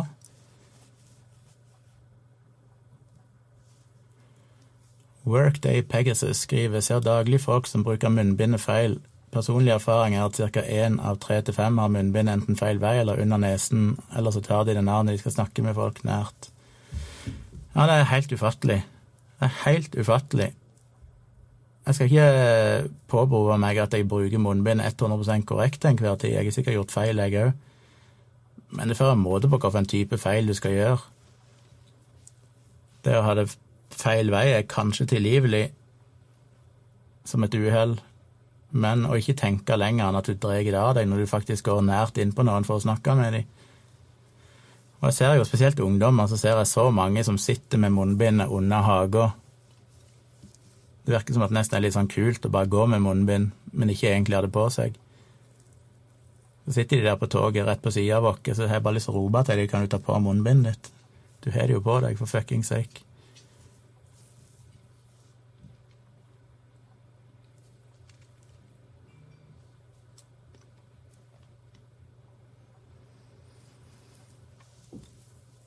Kristoffer spør tror du det finnes flinke, høytstående forskere som i tillegg er konspirasjonsteoretikere.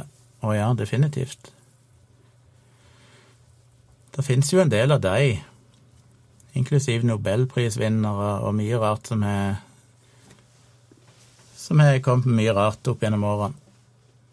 Så det å være dyktig forsker eller veldig intelligent osv. er ingen garanti mot at du kan falle for konspirasjonsteoretikere og ha rare ideer.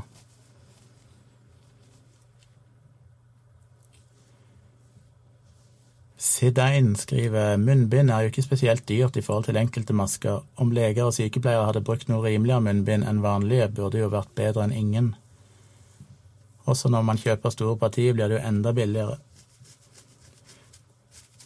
Ja, men jeg får regne med at de har gjort disse analysene i, med mer kunnskap enn det vi har som sitter her og synser, så hvis ikke de bruker munnbind, så regner jeg vel med at det er en analyse de har foretatt som ser ut til å være fornuftig. Det bare virker litt overraskende en ikke en kjenner alle dataene bak.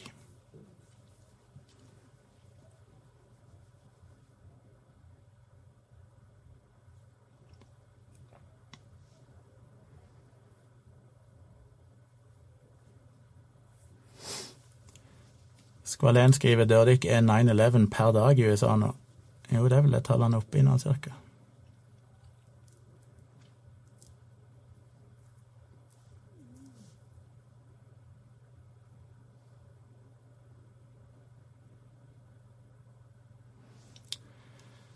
Henger de sier hva skal det egentlig til for at de fysisk går inn og fjerner fyren? Når vi snakker om Trump, vel. Så at forhenværende National Security Advisor Michael Flynn oppfordret Trump til å gjøre militært kupp nå. Mannen er jo tidligere trestjerners general og ble benådet av Trump. Liker ikke utviklingen. Jeg må innrømme at jeg er fulgt litt dårligere med etter valget, eller etter første uka etter valget. Det føles som at det har vært stille i USA. Liksom, jeg tror media bare generelt sett dekker mindre fordi Trump er på en måte på vei ut, og det er ikke så interessant lenger. Så jeg minner meg at jeg får ikke helt med meg hva som egentlig foregår nå for tida. Men jeg eh, Nå har vel Trump i det minste sagt at han kommer til å gå av når han skal gå av. Så jeg tror vel det kommer til å gå greit.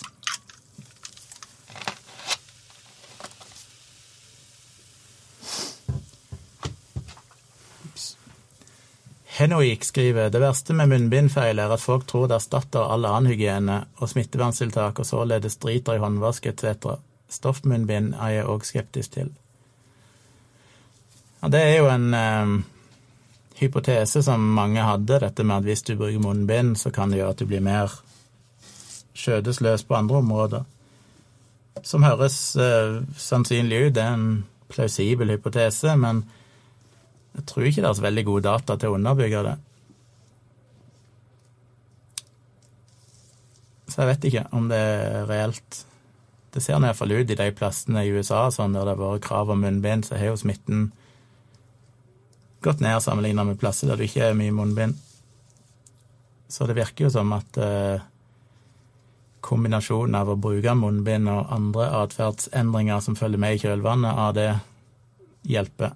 Så jeg tror ikke det er noe god evidens for å si at uh, du blir mer skjødesløs nødvendigvis. Noen gjør det helt sikkert, men på befolkningsnivå så tror jeg kanskje at munnbind kanskje virker motsatt vei, at du blir mer oppmerksom.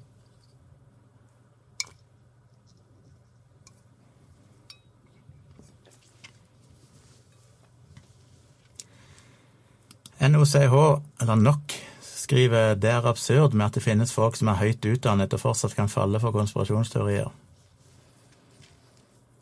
Det er trist, i det minste, men eh, det er jo sånn det er. Og det er viktig å være klar over det at uh, kritisk tenking er på en måte et helt eget fag som er i stor grad litt separat ifra alt annet. Du kan være høyt utdanna og være veldig, veldig smart, men du kan fortsatt falle for de samme logiske tankefeilene, nå, av og til i større grad, rett og slett fordi at jo flinkere du er, jo mer suksess du har hatt, jo mer bekreftelse du har fått på at du lykkes og er smart og får gode karakterer og alt dette her, jo mer, eller jo mindre ydmyk kan du bli jo mindre bevisst er du kanskje på at du faktisk kan gjøre alle de samme feilene som mannen i gata gjør, og du gjør det hele tida.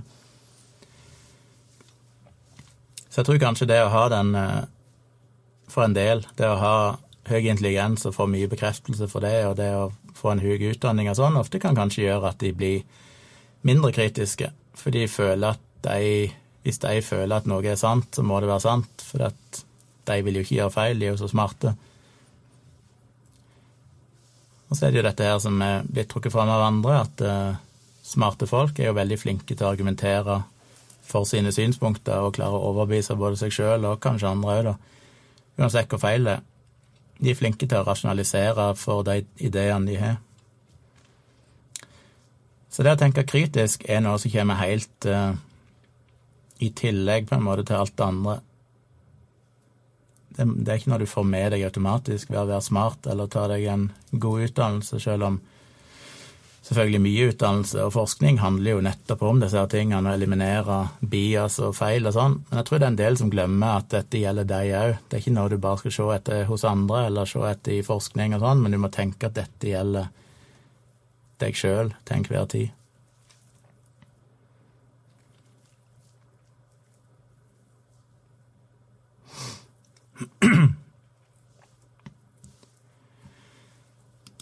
Sigve spør så du at huset stemte ja til å dekriminalisere marihuana, men Senatet vil antageligvis ikke gå gjennom Senatet Men Senatet vil antageligvis ikke gå gjennom Senatet. Har du noen tanker om det? Jeg har ikke fått med meg det, eh, at det er skjedd, men eh, sånn generelt sett så er jeg jo i utgangspunktet for legalisering av cannabis. Selv om jeg ikke egentlig ønsker at folk skal bruke det i stor grad. Men jeg ønsker å Jeg ønsker at eh, med tanke på risikoen, altså risikonivået, så bør på en måte straffen stå i forhold til det. Og i dag så virker det helt uproporsjonalt at straffen for å bruke eh, marihuana eller hasj er mye, mye større enn det han egentlig burde være. At straffen i seg sjøl sannsynligvis skaper mer problemer enn kanskje bruken.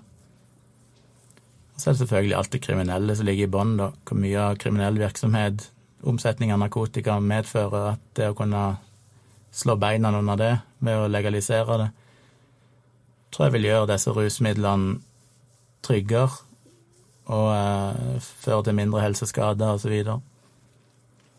Så jeg tror det er en god ting, men jeg er jo ikke noen tilhenger av rusmidler sjøl, så jeg skulle ønske at det gikk an å, å legalisere det og samtidig få færre til å bruke det. Og nå er jeg ikke helt sikker på hva de siste dataene viser om det i stater der det er blitt eh, lovlig i USA og sånn, og i land der det har vært lovlig. Jeg føler det er så sprikende data. Ofte så er det vel sånn at det kanskje går opp med en gang etter legalisering, og så går, begynner det å gå ned igjen. Og så er spørsmålet om det går synker til et lavere nivå, for det, blir ikke så attraktivt lenger når det er lovlig, liksom. Men jeg vet ikke helt hva dataen viser der. Men jeg tenker jo at eh, i utgangspunktet så er jeg for å legalisere det.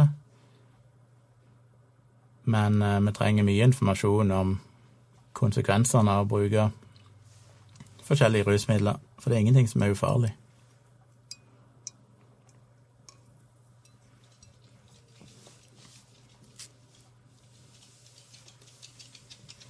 Chara Mia skriver det er litt pussig å høre at de ikke bruker munnbind på annet Haukeland. Var til øyelegen i Molde for noen uker siden. Da gikk alle med munnbind. Ja, jeg har jo snakka om dette vonde øyet mitt. Jeg har vært til, til sånn tørrøyespesialist, eller sånn øyeklinikk, et par ganger. En gang i det er i sommer en gang, og en gang nå tidligere i høst. Og begge gangene så hadde jo alle som jobba der, munnbind på seg. Og du måtte ta av deg skoene, du måtte sprite hendene, du måtte ta på et munnbind som du fikk av deg, og ha det på deg hele tida. Så på sånne plasser er de jo veldig strenge.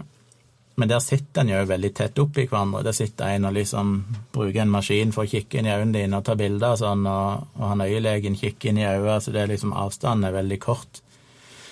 Men han øyelegen jeg hadde der, begge gangene jeg var hos han, så hadde jo han eh, en sånn fascinerende teknikk der han bare så var det han hang munnbindet over ørene, men han festa det ikke i bånden, så hans munnbind bare hang rett ned. Som virka litt sketchy. Så jeg skjønte ikke helt Jeg følte ikke jeg kunne påpeke at du eh, kanskje du skal ta på deg munnbindet skikkelig, men alle de andre som jobba der, så ut til å på seg munnbind skikkelig, men akkurat han øyelegen min han nekter visst tydeligvis å ha det stramt på seg. Han, han bare henger det rett ned. Men jeg hadde iallfall munnbind på meg uansett.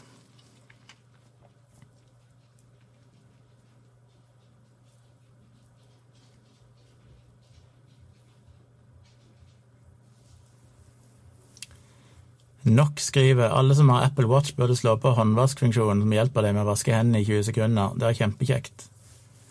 Ja, den ikke jeg merka noe til. Jeg tror jeg hadde den på helt i starten, etter oppgraderinga.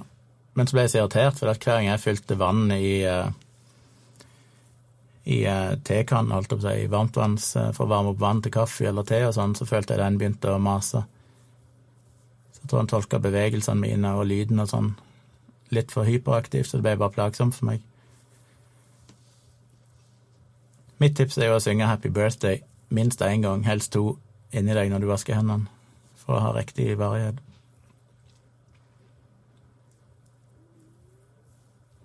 Det var en her lenger oppe forresten som skrev at han var skeptisk til um, tøymunnbind.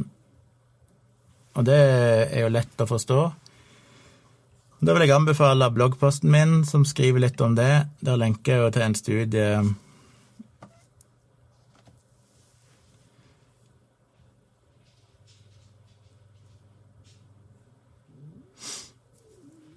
Eller ikke en studie, men en artikkel som forklarer hvorfor eh, stoffmunnbind eller tøymunnbind faktisk kan stoppe partikler som er mye mindre enn eh, maskestørrelsen på munnbindene. Det er en eh, vitenskapelig grunn til det òg.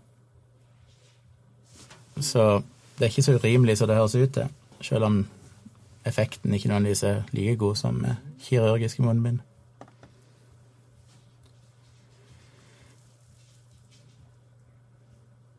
Stefan skriver Hei da, Natteravna, hører du på Skravleklassen? Nei. Jeg kjenner til podkasten, men jeg har et veldig begrensa utvalg podkaster jeg hører på. Sidein skriver har noen greie stoffmunnbindmasker som kan vaskes og samtidig brukes med mange forskjellige filter i HEPA 5, kullfilter, KN95-filter osv. Veldig greit for privatpersoner. Ja, Hvis en researcher litt, så finner en som regel stoffmunnbind som du kan putte i filter i, som ofte er veldig gode. Hvis en leser litt om eh, standard og kvaliteten på de, så kan du finne noe som er solid.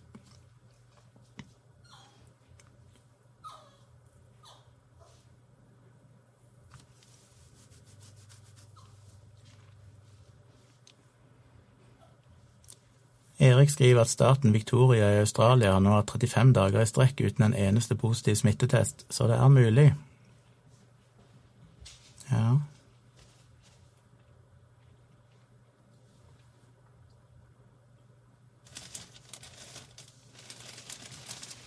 Nok skriver på den 2020 Wrapped-greia på Spotify, så kom Dialogisk opp som en av de podkastene jeg hører mest på. Det var litt kult å se. Ja, jeg har fått en del folk som har tagga meg i storyen sin fordi de har delt den wrapped eh, screenshoten, og så tagger de med dialogisk. Det er ganske mange som har hatt det. Så det var en som skrev de hadde hørt hva er det, 14 episoder eller sånn. Nei, det kan ikke være så mange. Kanskje han har begynt på det, ikke fullført det. Det var et absurd antall på én dag. Jeg tenkte bare stakkar fyr.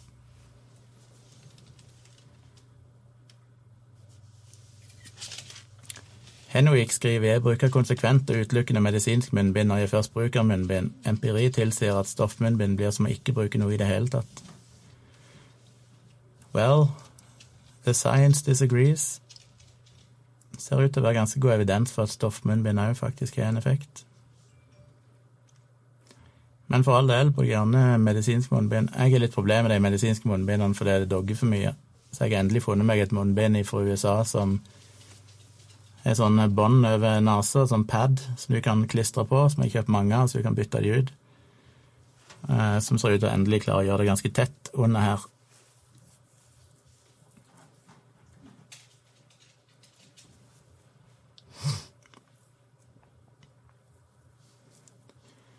Roy skriver er det ikke et ganske nytt fenomen, dette med konspirasjonsteorier i Norge. Kan ikke huske det var noen før internett kom, kanskje bare at Elvis Presley var i live. Det har alltid vært mye konspirasjonsteorier om månelandinger og hvem som drepte John F. Kennedy og alt mulig sånn. Men det var på en måte en litt annen art. Jeg føler ikke de var så Og dette ikke er noen ekspert på, så dette er jo kun min subjektive opplevelse. Men jeg opplevde ikke at det var så mye sånn eh, antimyndigheter, liksom. At det var så ekstremt mot mot på en måte ja, styresettet. Det var mer isolerte historiske hendelser som det var konspirasjoner rundt. Og selvfølgelig 9-11 og sånn. Men det er klart at internett har gjort at det eksploderer, for plutselig så har du alle sånne feedback-loopene med YouTube og sånn, og det er vel liten tvil om at YouTube kanskje var en av de viktigste faktorene i at en del av disse konspirasjonsteoriene har fått eh, vann på mølla. Fordi algoritmene deres gjorde jo det at hvis du kikka på et eller annet som var i den retningen, så fikk du gjerne masse annet av det samme. Altså. så, virka det plutselig som at det nesten var enighet om at eh, jorda var flat, eksempel. Men YouTube har jo skjerpa seg en del på det området òg. Men jeg tror nok definitivt at sosiale medier og blogging og eh, alt som hører med internett, der du mangler et redaktøransvar, som har gjort det mye lettere å publisere informasjon, som har mye positive sider ved seg, òg har selvfølgelig mye negative sider ved seg. Blant annet at folk flest er ikke utrusta til å skille lese forskning kritisk eller skille god informasjon fra dårlig informasjon. Og jo mer informasjon folk får, da, jo større sjanse er det for at de begynner å tro på rare ting. Og det finner en jo faktisk Hvis en ser på dataen til en som sendte meg en mail her i dag og sa at eh, jeg burde få meg multikameraoppsett, så sa jeg at jeg har jo det. Jeg må, må kanskje bruke det mer, siden han ikke hadde fått det med seg. Men jeg har jo et kamera der òg. Men dataen for alternativ behandling viser jo overraskende nok at det gjerne er folk med høy utdanning eh, og som bor i sånn Oslo vest, f.eks., som bruker alternativ behandling mest som kanskje vil overraske noen. En skulle gjerne tro at det er liksom de dumme menneskene med lite ressurser som bruker alternativ medisin. Men det ser en jo òg i, i f.eks. Ja, i fattige land, sånn som i Kina. Det er jo sjokkerende få som bruker tradisjonell kinesisk medisin, som akupunktur f.eks. Det har jeg en egen bloggpost om der jeg gikk gjennom og så på tallene, statistikken der. Det skriver jeg vel òg om i placebo-defekten, tror jeg.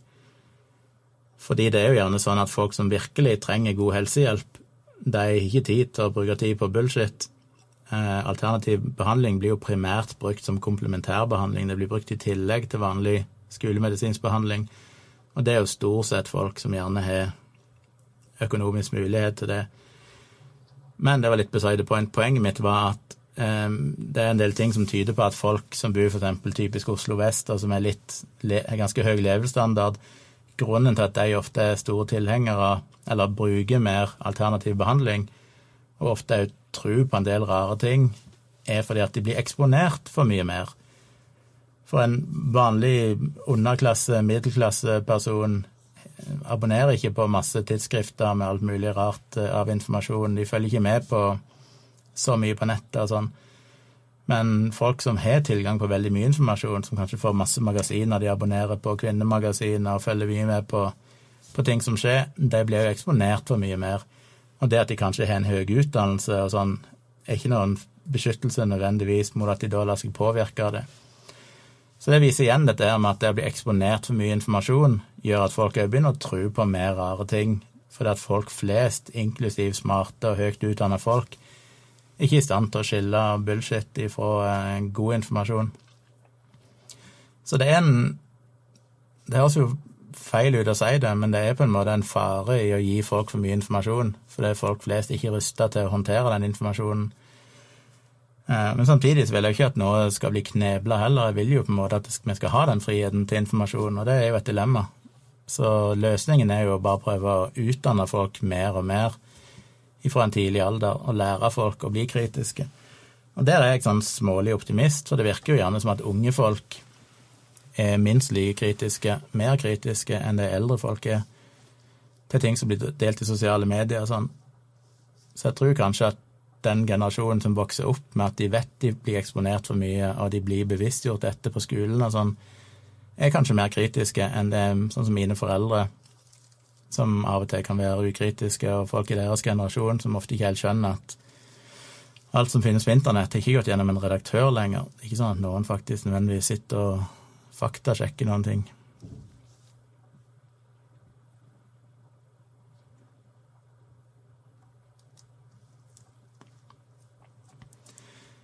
Henwick skriver har nettopp flyttet fra Kristiansand til Lysaker. En enorm endring. Ingen går med munnbind i Kristiansand, mens her i Lysaker er det påbudt i mange settinger. Ja.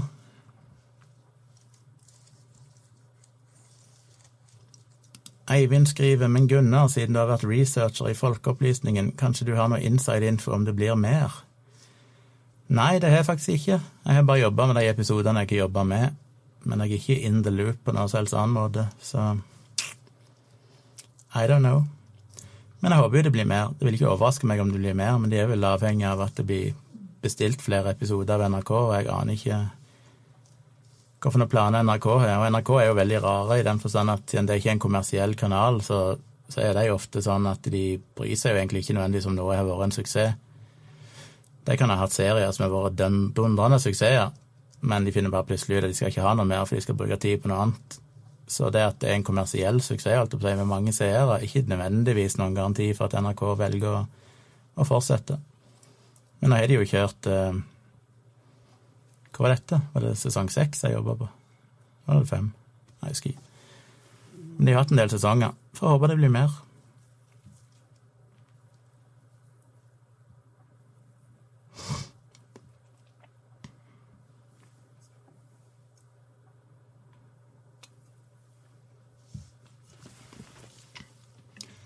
Jeg må google litt igjen.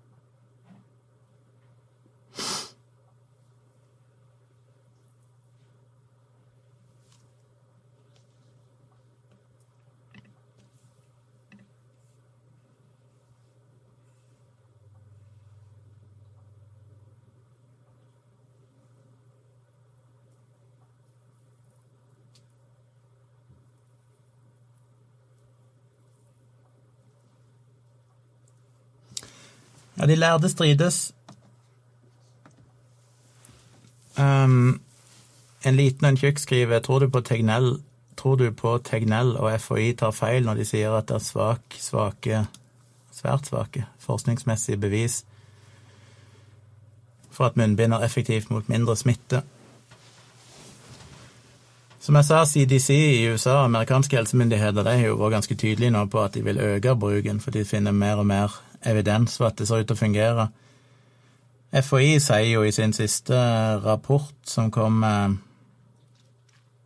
19.11.2020, så sier de jo at eh, randomiserte studier gjennomført utenfor helseinstitusjoner tyder på at medisinske munnbind har en liten beskyttende effekt. Det finnes ingen pålitelig dokumentasjon for effekten av ikke-medisinske munnbind brukt i samfunnet, og det er sannsynligvis betydelig variasjon i effekt mellom ulike produkter.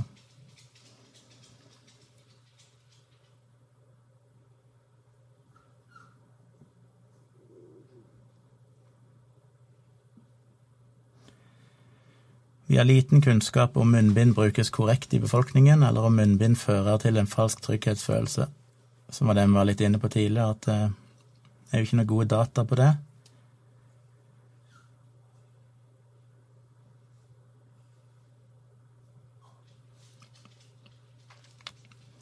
I situasjoner med lav insidens og kontroll på spredningen anbefaler vi ikke bruk av munnbind for personer i samfunnet som ikke har symptomer på luftveisinfeksjon.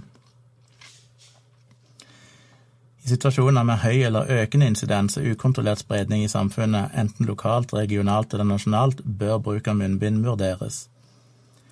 Anbefalingen om bruk bør gis på grunnlag av en risikovurdering, og anbefalingen bør være rettet mot situasjoner der det ikke er mulig å holde avstand, særlig innendørs, og situasjoner der smittesporing ikke er mulig. Andre tiltak bør være prøvd før munnbind anbefales. Så jeg opplever vel at de i stor grad er i tråd med det myndighetene sier. Vi er jo anbefalt å bruke munnbind, eller påbudt å bruke munnbind, er vi vel nå. Eh, der du ikke kan holde mer enn okay, det, iallfall én meter, hvis ikke det er to meter avstand til folk. Og det er jo egentlig det FHI òg skriver, at eh, Og vi er jo, hvert fall vært nå, i en situasjon med økende insidens. Um, om det kan defineres som ukontrollert spredning i samfunnet, det vet jeg ikke, men det har iallfall vært stigende her i Oslo, så derfor har det jo vært påbudt med munnbind der du ikke kan holde avstand. Men det er som de skriver, at du skal ikke Det skal ikke brukes Det skal brukes når andre tiltak har vært prøvd. Nei, hva det sto her? Ja, andre tiltak bør være prøvd før munnbind anbefales. Og det er jo egentlig det en har gjort i Norge. Vi har jo hele tiden, nå, siden egentlig i mars, vel, hatt anbefalinger om å holde avstand og sosial distansering og begrense hvor mange som kan være samla og sånn. Men så begynte smitten å stige likevel, så da har en jo prøvd andre tiltak, og så går en inn og anbefaler munnbind. Og så sier de vel, de er vel ganske kjølige til hvor stor effekten faktisk er utenfor helseinstitusjoner. Eh, men de sier jo at det ser ut til å være en liten effekt. Så det er deres data.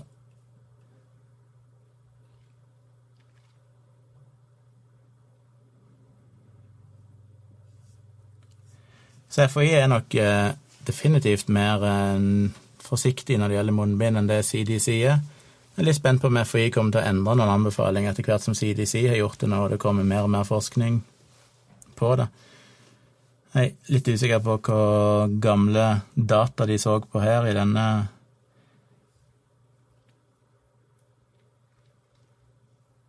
oppdatering av en rapport publisert i juni 2020. Altså, de kom med oppdaterte data siden den gang. Jeg vet ikke. Det viktige er, som alle sier, er jo at dette med sosial distansering og det å ikke være i store grupper og alt dette her, er jo det definitivt viktigste. Eh, men så ser det ut til at munnbind virker i tillegg, så det er ikke noen god grunn til å ikke bruke munnbind hvis ikke du skulle ha enorme helsemessige problemer som gjør det umulig.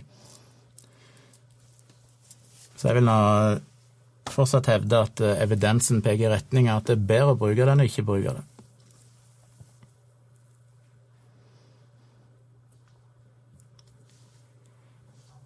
Sindre spør får man bedre beskyttelse om man bruker to munnbind. Det gjør du vel sannsynligvis, men uh, du vil òg få såpass mye ubehag, vil jeg anta, med å puste sånn at det neppe er å anbefale.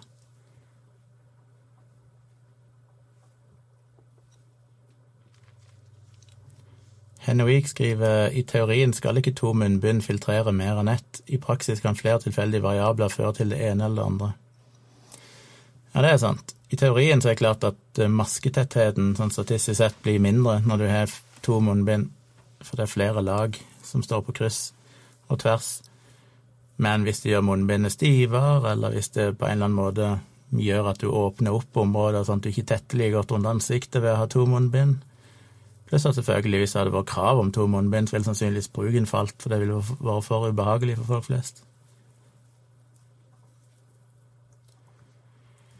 Jono Berne skriver dere må mikse lyden på introen på Dialogis ned. Forklager til moderne medier, det er ikke vi som mikser den. Bare tagg moderne medier på Twitter, og så klager de litt der, så får vi se om de hører på deg. Kristoffer sier en kompis av meg bor på Røros. Der har de kun to smittetilfeller, men så er det ikke så mange som bor der, da. Nei, hva er det i Sirdal nå, der som jeg kommer ifra? Der er det vel knapt noen ting.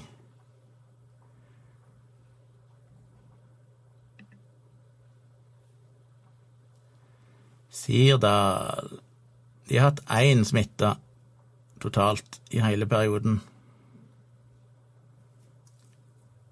Og det var Ganske tidlig i pandemien så var det ett smittetilfelle.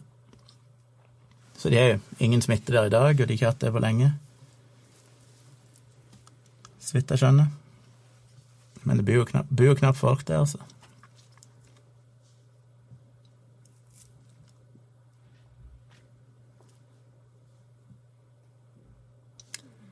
Henry Oliver skriver at Tjomli, jeg sendte dem en melding via Instagram. Jeg fikk en melding via applikasjonen Spotify at jeg hadde kjørt en maraton og lyttet til 14 episoder Dialogisk på en og samme dag.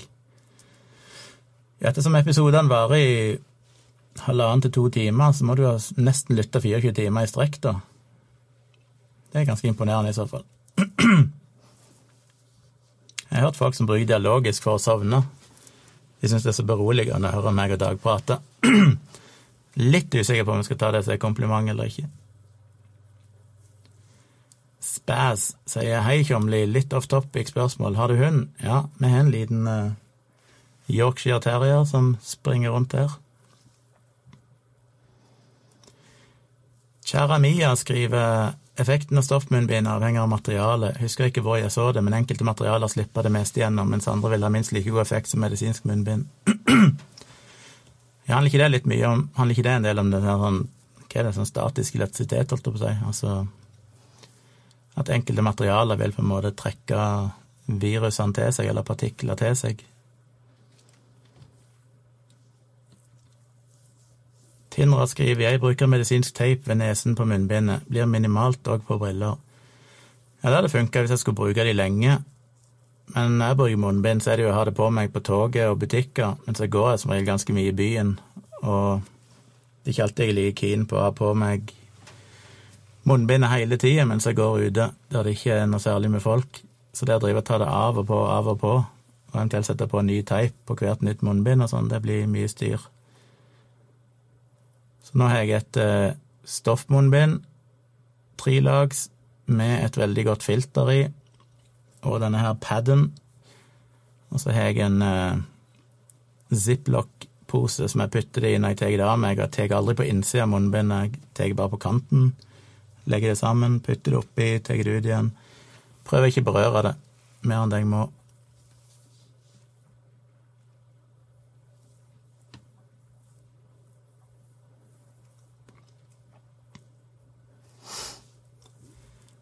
Henrik skriver til dette med konspirasjonsteorier, var det ikke slik at paven var imot gatelykter da disse kom fordi Gud ville at om natten skulle være mørkt?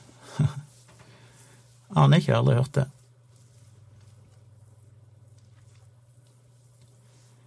Jono Berne skriver jeg hører på deg og Dag på vei til jobb, det er faktisk vondt i ørene, please senk lyden på introen.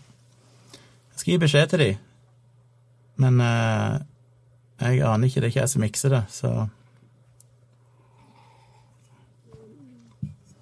Overrasker meg litt at det var så høy lyd på introen.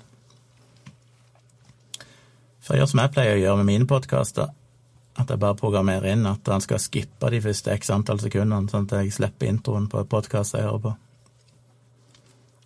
Hvis du bruker Pocketcast, for eksempel, så kan du gjøre det per podkast. Så kan du velge hvor lang introen er, eller hvor langt den skal skippe på hver episode.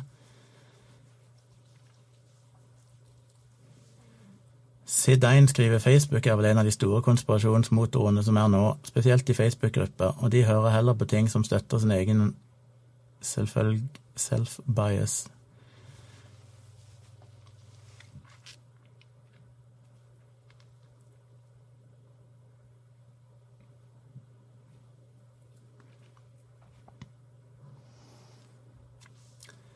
Henrik skriver dette med stereotypier i, forhold til lavklassen versus høyklassen.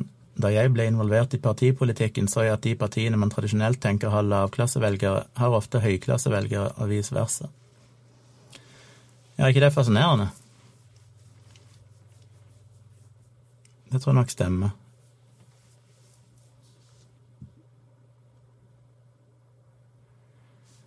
Creampilers spør kommer covid-19 noensinne til å forsvinne tviler på det. det vil nok alltid Jeg vil nok tro at det er på samme måte som svineinfluensa og sånn, som fortsatt er i omløp. Jeg tror ikke du blir kvitt det. Men vi kan gjøre det til en ubetydelig faktor hvis vi innfører vaksinering i barnevaksinasjonsprogram eller et eller annet tilsvarende.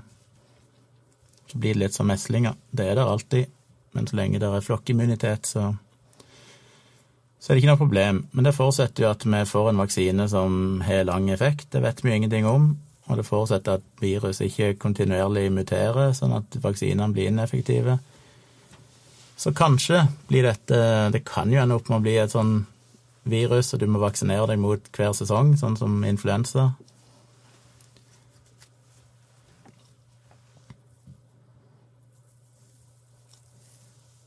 Kristoffer sier det hadde vært gøy om du og Andreas Wahl hadde blitt med medprogramleder i Folkeopplysningen. Ja, jeg hadde ikke sagt nei takk til det, men jeg tror nok de har nok med Andreas.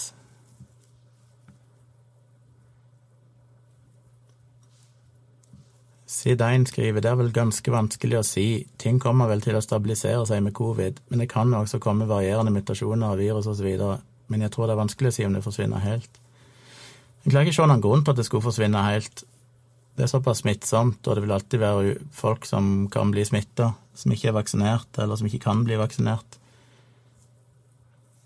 Så jeg tror det er vanskelig for å for meg at det skal forsvinne noen gang.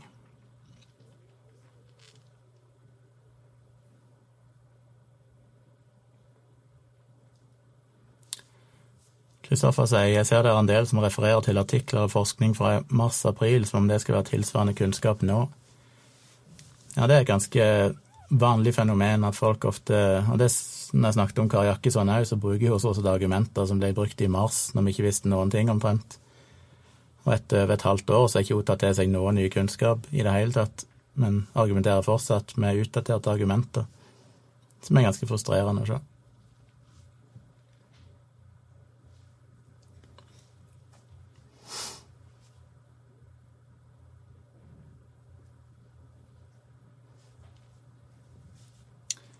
God kveld, Anomi. Seint på han.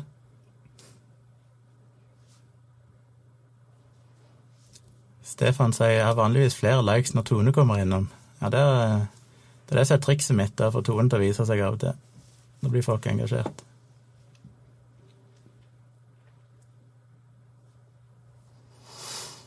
En liten en tjukk spør dilemma. Ville du gått med munnbind resten av livet, dag og natt, eller vært nødt til å forsvare Sylvi Listhaugs standpunkter ved enhver sammenheng og joinet hennes ideologi resten av livet. Alltid grusomt med sånne sånne dilemmaer. Tone, du må komme og si hei, for de sier jeg får flere likes når du viser deg. Nei. Det tror jeg ikke noe på. Jeg skal gå og legge meg. igjen.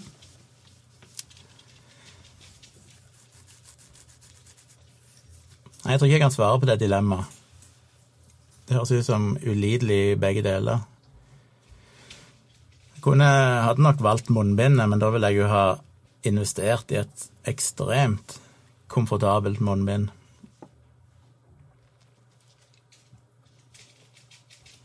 Så håper jeg får lov å ta det av meg når jeg skal drikke og spise og en del andre situasjoner.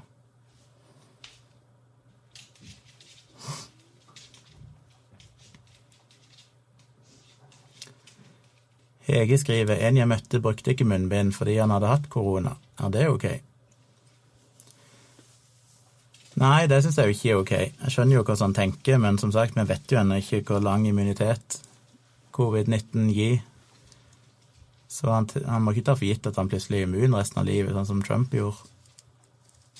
Det kan være at den immuniteten har en begrensa varighet.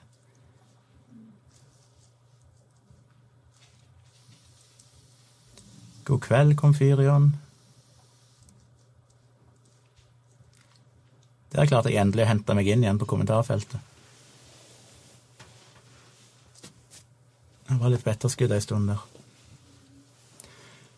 Det er diskusjon om likes her. Vi har jo 25 likes på litt over 50. Det er nesten en eh, 50% ratio. Det er jo ganske bra. Kan ikke klage på det. Men for all del, trykk på likes, altså husk å trykke på den eh, bjelleknappen og velg alle varslinger, så får dere varsling når jeg kjører livestream og legger ut videoer.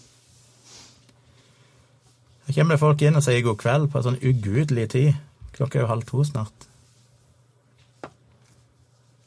Der fikk jeg min obligatoriske downvote. Det var nesten betryggende.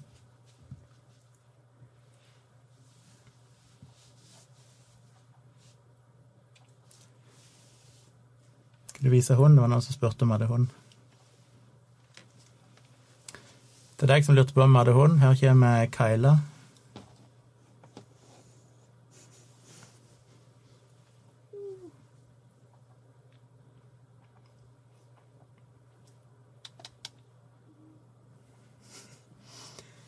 Jeg tror det var en trøtt bisk nå. Leggetid.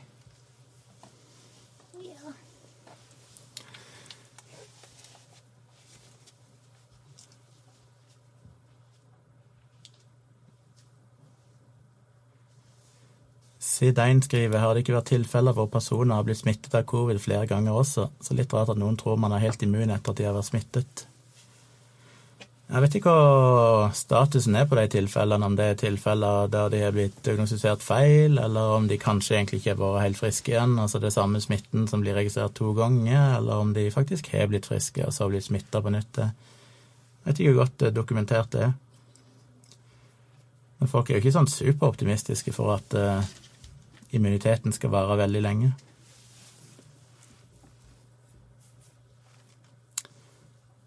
Kristoffer lurer på hvis du måtte velge en politiker, hvem skulle blitt statsminister? Det vet jeg egentlig ikke. Jeg er ikke så jæklig opptatt egentlig av hvem som er statsminister. Jeg, som regel så er det vanskelig nok å vite hvilket parti jeg skal støtte.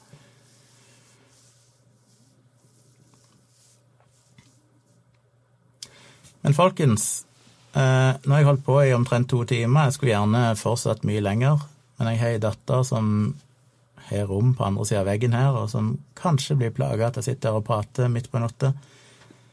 Som er litt med hensyn til hun, og at det begynner vel å bli leggetid. Jeg kan ikke være altfor sein i morgen når dattera mi er her på besøk. Så tror jeg jeg skal begynne å runde av. Nå i helga så håper jeg å få lagd en video. Det hadde jeg jo en plan om forrige helg, men det ble med bloggskriving istedenfor. Eh, og så har det vært forbaska mye jobb i dag. Jeg har sittet og jobba til langt på kveld. Det går i ett. Men i morgen har jeg fri, og i løpet av helga må meg og Tone spille inn en ny episode av Virkelig grusomt-podkasten. Som dere jo må sjekke ut hvis ikke dere har gjort det allerede. Det er to episoder ute så langt. Episode tre kommer på mandag. På mandag er det òg liveinnspilling av Dialogisk klokka seks. Så hvis dere vil se meg og Dag Sørås spille inn podkast på livestream, så kan dere følge med på youtube.com slash dialogisk. Og abonnere på den kanalen òg, så får dere varsling når vi går live der. Og på søndag kveld, for dere som er patrions, så blir det samboerprat med meg og Tone. Da sitter vi en god time eh, og prater med dere som prater med oss i chatten, og som er patrons. Så støtt meg på Patron. Da må jeg gjøre sånn. Oi, jeg pekte nesten riktig. Støtt meg på Patron, så får dere litt snacks der. Dere får se samboerprat på eh, søndag kveld. Og ja, hadde jeg noe mer å si? Nei, sjekk ut bloggen min, bestill bøker til jul hvis dere vil det. Så blir jeg happy. Nå føler jeg jeg eh, svikter folk her, for nå begynte det å bli god stemning. Men jeg tror jeg får runde av. Det er seint på natt, og jeg tror jeg skal prøve å være tilbake igjen i morgen kveld eller natt en eller annen gang. Så følg med, abonner på kanalen, så får dere varsling når det skjer. Så da takker jeg for meg. Håper dere hadde det trivelig. Håper dere fikk svar på noen ting som dere lurte på. Og så høres vi igjen. God natt.